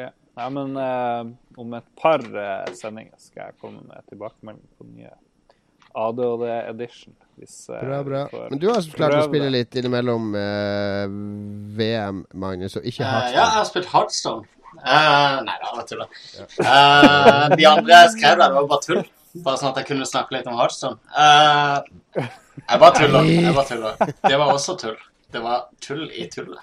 Tullet var tull. Uh, jeg er. Jeg syns vi skal ha Heartstone-forbud fram til det kommer de her nye klassene. Nei, det kommer en ny expansion. Det kommer singleplayer-expansion. De skulle jo ha sluppet nyheter i De skulle ha sluppet nyheter i går om prisinga på det. Og den, den skal slippes denne måneden, så det må vi kunne snakke om når det slippes, uh, Jon Cato. Såpass rundhånda må vi være. Jeg beklager, beklager til alle om Hardstone. Okay, okay. Uh, folk folk uh, liker Hardstone, og derfor liker de uh, oss når vi snakker om Hardstone. Så det må vi Ja, bare ta. ja, ja, ja. Snakk gjerne om Hardstone. Men eh, jeg har jo begynt på denne eh, skummelt svære bunker med eh, 360-spill. Eh, så jeg runda eh, adventure-spillet The Raven runda jeg for eh, noen dager siden. Eh, Det er det med han der Hercule Poirot-kopien på det toget som er ferva over på en båt. Og... Ja, riktig. Jeg hadde vel en ganske knusende dom over det spillet første gang jeg snakka om det. For det er da hadde jeg spilt eh, eh, Da var jeg vel halvveis gjennom det. Nå er jeg gjennom Ja, det. det er der jeg stoppa meg. Jeg syns, det, jeg syns ikke det var så ille, egentlig. Jo, jeg syns det er litt billige puzzles og, og eh, Det er jeg enig i. Det er sånn pirkete tyske puzzles. Ja, ikke sant? Altså, ja, du har en lommekniv, men du kan ikke bruke den til å skru ut den skruen med. Du må gå og sette sammen syv andre forskjellige Ja. ting med tyggis og hyssing for å klare å få den ut. Selv om du har skru... Ja, det er veldig frustrerende. frustrerende. Uh, men uh, det var litt kult, for det at uh, det, det er tre deler. Og eh, del tre snur veldig om på hele historien. Da. Du, du spiller plutselig hele spillet om igjen fra andre perspektiver. Eh, og plutselig forstår Oi, du ting er det spoiler? Nei, det er ikke en spoiler, for det, det, det er rundt nok til ikke å fortelle for mye. Men, men det gjør at, at historien er faktisk eh, ganske godt tenkt ut, syns jeg. Men, men det er ikke et toppspill. Det er ikke et toppspill. Uh, men for de som liker pek-klikk-spill og har lyst på et lite sommereventyr, så er det verdt de små kronene det koster å laste ned, enten til PC eller til Xbox. Eller til PlayStation. Nå har jeg faktisk tipsa deg om et PK-Klikk-spill som du lover å spille til neste gang nå. Eh, ja, for da får jeg strøm Et norskutvikla PK-Klikk-spill. Ja, Uh, Det er ikke eh, Drømmefall eller Lengste reisen. Nei, stemmer, stemmer. Da kan uh, lytterne vente i spenning på hva det er for noe. Eh, det andre spillet jeg har spilt Jeg har vendt tilbake til et spill jeg gleder meg sykt til ganske lenge, som var The Cave. Som liksom er, Det er foreløpig det siste spillet til eh, Ron Gilbert. Ron Gilbert. Gilbert. ja, som er relativt kjent for å ha lagd den relativt kjente spillserien Monkey Island, som de fleste har spilt. Det er jo Bjørk Eh, er fra. Hva sier du? Det der og Bjørk er fra, er det ikke det? Jo, Monkey Island. Uh, men uh, tingene jeg, jeg runda det Jeg spilte gjennom det igjen da med, med tre nye karakterer. Og de historiene du spiller frem, er dødskule. Og jeg er fascinert over hvor variert eller annerledes spillet de samme områdene oppfattes når du spiller med forskjellige karakterer. Når det er sagt, så har jeg fremdeles ikke klart Og jeg har spilt gjennom det en tre-fire ganger nå med forskjellige sånn, kombinasjoner. Jeg, har, jeg, jeg tror aldri jeg har klart liksom å, å, å runde spillet og liksom å rette opp igjen skjebnen til noen av de jeg spiller med. Jeg, det er liksom alltid en sånn trist avslutning, og så får jeg beskjed om Ja ja, så gikk det som det gikk. Uh, null achievements. Jeg syns ikke det var så gøy, jeg, det der Cave. Jeg syns det var Nei, eh, jeg syns òg Jeg vet ikke hva da, men Nei, første gjennomspillinga, så er jeg helt enig. det? Jeg var sånn underwhelmed av første gjennomspilling, så jeg var dødsskuffa. Men så spilte jeg gjennom det igjen, og så så jeg hvordan de brukte de her forskjellige karakterene til å fortelle uh, samme historien om igjen. da. Og pluss at eh, ja, det er ganske gjennomtenkt og utrolig fint designa. og Det er gøy å spille. Det har noen, eh, noen flås, men um, Men Spiller du én player, eller er du flere? For det er vel ment spiller, å være ja, Det er bare lokal multiplayer. Det er helt tullete. Det er en av de svakhetene. Så finnes det ikke noe knapp for å samle alle karakterene. For det, det er litt sånn, Jeg kan bare forklare det til de som ikke har spilt det. Du styrer rundt på tre figurer som alle har spesielle egenskaper og evner. Som sammen skal løse Komme seg gjennom ei hule som skal da eh, tilfredsstille de ambisjonene til å være de figurene som er der. Du kan velge syv forskjellige figurer, og eh, hver av de har unike områder. Eh, er det et Metroidvania-spill, forresten? Nå som vi har uh, Det er ikke det, fordi de får jo ikke noen nye Nei, det er sant. Eller? Det er sant. Det er sant. Men det var close. Uh, ja, riktig. Så, så uh, du får fortalt en haug med historier gjennom eh, den samme grunnstrukturen, da. Men med litt unike områder. Eh, plattformspill med enkle puzzles hvor du plukker opp ting og legger de andre steder for å komme videre. Uh, ja. God humor, kjempefint designa, utrolig smarte historier, men uh, det er en del som har klaget på litt pinglete plattformelementer og ja, en del anti... Det er sånn hoppe over en fjellknaus. Det er vel det det går ut på, egentlig. Er, Du er jo i hule, så det er vel å det hopper over en, en, et hull. Det er jo det eneste du gjør, er det ikke det? egentlig? Å klatre opp, kanskje. Nei. du gjør veldig mye gøy. Uh, jeg likte veldig godt Det de er jo der sånn i bunn og grunn. I bunn og grunn, det er jo ikke så mye mer, da. I hvert fall ikke Du besøker jo massevis av sånne merkelige skjebner som befinner seg rundt omkring i sånn sidetunneler i denne hula. Eh, men, eh, men er det nødvendig å være flink, skilled i å Nei, hoppe opp? nei, det er ikke et plattformspill. Det er først og, først og fremst et eventyrspill.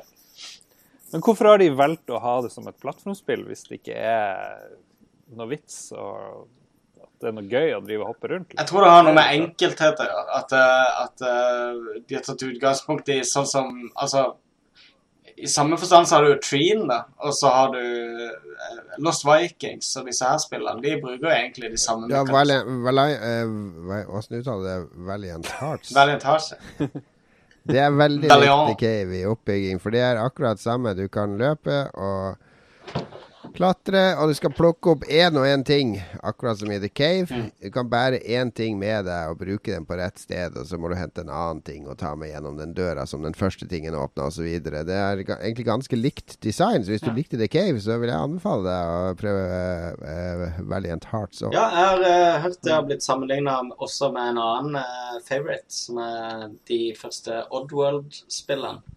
Så det er jo Det er en veldig heldig kombinasjon av referanser som nevnes rundt det spillet nå, må jeg si.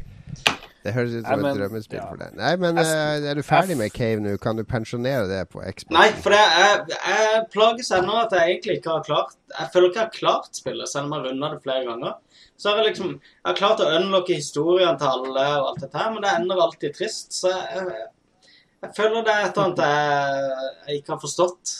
Er det noen utriste endinger, da? Hva sier du? Er det noen endinger som ikke er trist altså du kan Ja, jeg, det er det jeg har inntrykk av, da. For det, han fortellerstemmen er veldig sånn vemodig. Ja ja, da gikk ikke det, men du får prøve igjen liksom etterpå. Så Har du ikke sjekka på nett om det faktisk går an? Nei, jeg skal i gang med det. Jeg har respekt for å ikke sjekke på nett. Det er jo awesome at du ikke sjekker på nett. Du kommer til å spille Men- det her til du er 80 år, det, fordi du går Det må jo være en måte å få de til å ende lykkelig Jeg, jeg kommer ikke til å si. Jeg tenkte at eh, neste gang jeg spiller gjennom det, så kommer jeg nok til å velge. For nå har jeg spilt gjennom med alle unntatt én character. Så nå tenkte jeg at eh, nå er det på tide at jeg sjekker løsninga til én av characterene, i hvert fall. Sånn at jeg forstår litt åssen eh, tankegang som kreves for å runde det eh, skikkelig, da. I Ron Gilbert sine øyne. Ron Gilbert. Men i likhet med mange andre så var jeg jo ganske skuffa da jeg spilte det, fordi det hadde liksom blitt hypa Ja. ganske opp. Eh, Apropos Watchdogs, det spillet. Så jeg sendte en tweet til han, Ron Gilbert og sa at det her var liksom ikke helt store. Jeg følte det var min rett som Jeg hadde kjøpt spillet. Han ble glad. Han ble kanskje ikke så glad, men han sa at eh, folk drev og slakta Maniac Mansion og eh, Monkey Island og ditt og datt. Også da det kom. Men fucking hell, jeg klarer Jeg spilte jo ikke i to måneder Maniac Mansion før jeg begynte å like det. Det her skjønte jeg jo fort var under par, egentlig. Ja, riktig. Uh... Men men nå driver du og men nå driver du og gir meg en unnskyldning til å prøve det på nytt, så kanskje jeg skal gjøre det. Ja, nå ble jeg litt inspirert. Jeg, må si det. Jeg må si det. Men eh, Ja, lykke til med å finne den lykkelige slutten, Magnus. Ja, det- det er, Er livet eh, litt som The Cage. Som- Det må jo være en lykkelig slutt på livet òg. Jeg får broderen hjem om ikke så lenge, så da tror jeg vi skal prøve å eh, multiplaye litt. Der får dere prøve å finne den lykkelige slutten. Det, vi går i hvert fall mot en uh, lykkelig slutt i Lolbua. Det var Ja, proff den overgang. var fin! Oh my god. Oh my god. Nå er vi inne i kveldsåpen Yes. igjen. Det går mot en lykkelig slutt i Lolbua. Vi har uh, hatt storveis her i nærmere to timer. Litt skryt til deg, Jon. Uh, Alexander Hakstad, han vi var nevnte i sted, sier Epic telefonsvarer pluss lytterspørsmål mash-up på Lolbua. Jeg, jeg brukte halvannen time på å lage de greiene der og laste ned gamle tabloid-rulletekster osv. for å klippe ut autentiske tabloidklipp. Det var jo fantastisk, Jon. Det var veldig bra. Veldig Se godt live for the true to the too true to be true experience. Ja. Takk for det, Alexander det, Aleksander. Og du får være gjest Ja. eh, en gang til høsten. I sommeren så tror jeg vi må holde oss til oss tre. Det blir en ny episode neste uke. Jeg er klar neste uke. Jeg skal rigge kontor ute på et båtnaust på Vestlandet med fiberkabel kobla til. Så jeg skal klare å eh, stille opp. Dere er med? Vi er med. Klart det. Klart det. Jeg skal se masse Sabrina, Boys, Boys, Boys, og eh, varme opp til neste ukes sending. Og det er altså ingen skam å sitte inne og spille selv om det er sol ute. Sola er der hver dag. Det er bare at noen ganger er den bak skya, noen ganger er den på den blå himmelen. Noen ganger er den på Eh, andre sida av jorda, men det er det så. Ja. Det er det nå, men det er det å vite at den er der som er deilig. Man trenger ikke å sitte ute. Og det er sånn solstråler er livsfarlig. Det er ultrafiolett stråling, du kan få hudkreft og alt mulig dritt. Mye sunnere å holde seg foran skjermen. Absolutt. Vi takker for i dag. Vi ber dere følge med på Lolbua 2000 på Facebook. Det er Facebook-gruppa vår. Følg med på Twitter at Lolbua. Send oss innspill, forslag, eh, tips og triks og livsfilosofi, eh, sånn som vi fikk fra Torbjørn i dag om Free to Play. Det blir vi veldig, veldig glad for. Og ha en fortreffelig sommer inntil videre. Ha det bra. Takk for i dag. Ha det! Ha det bra. Ha det bra.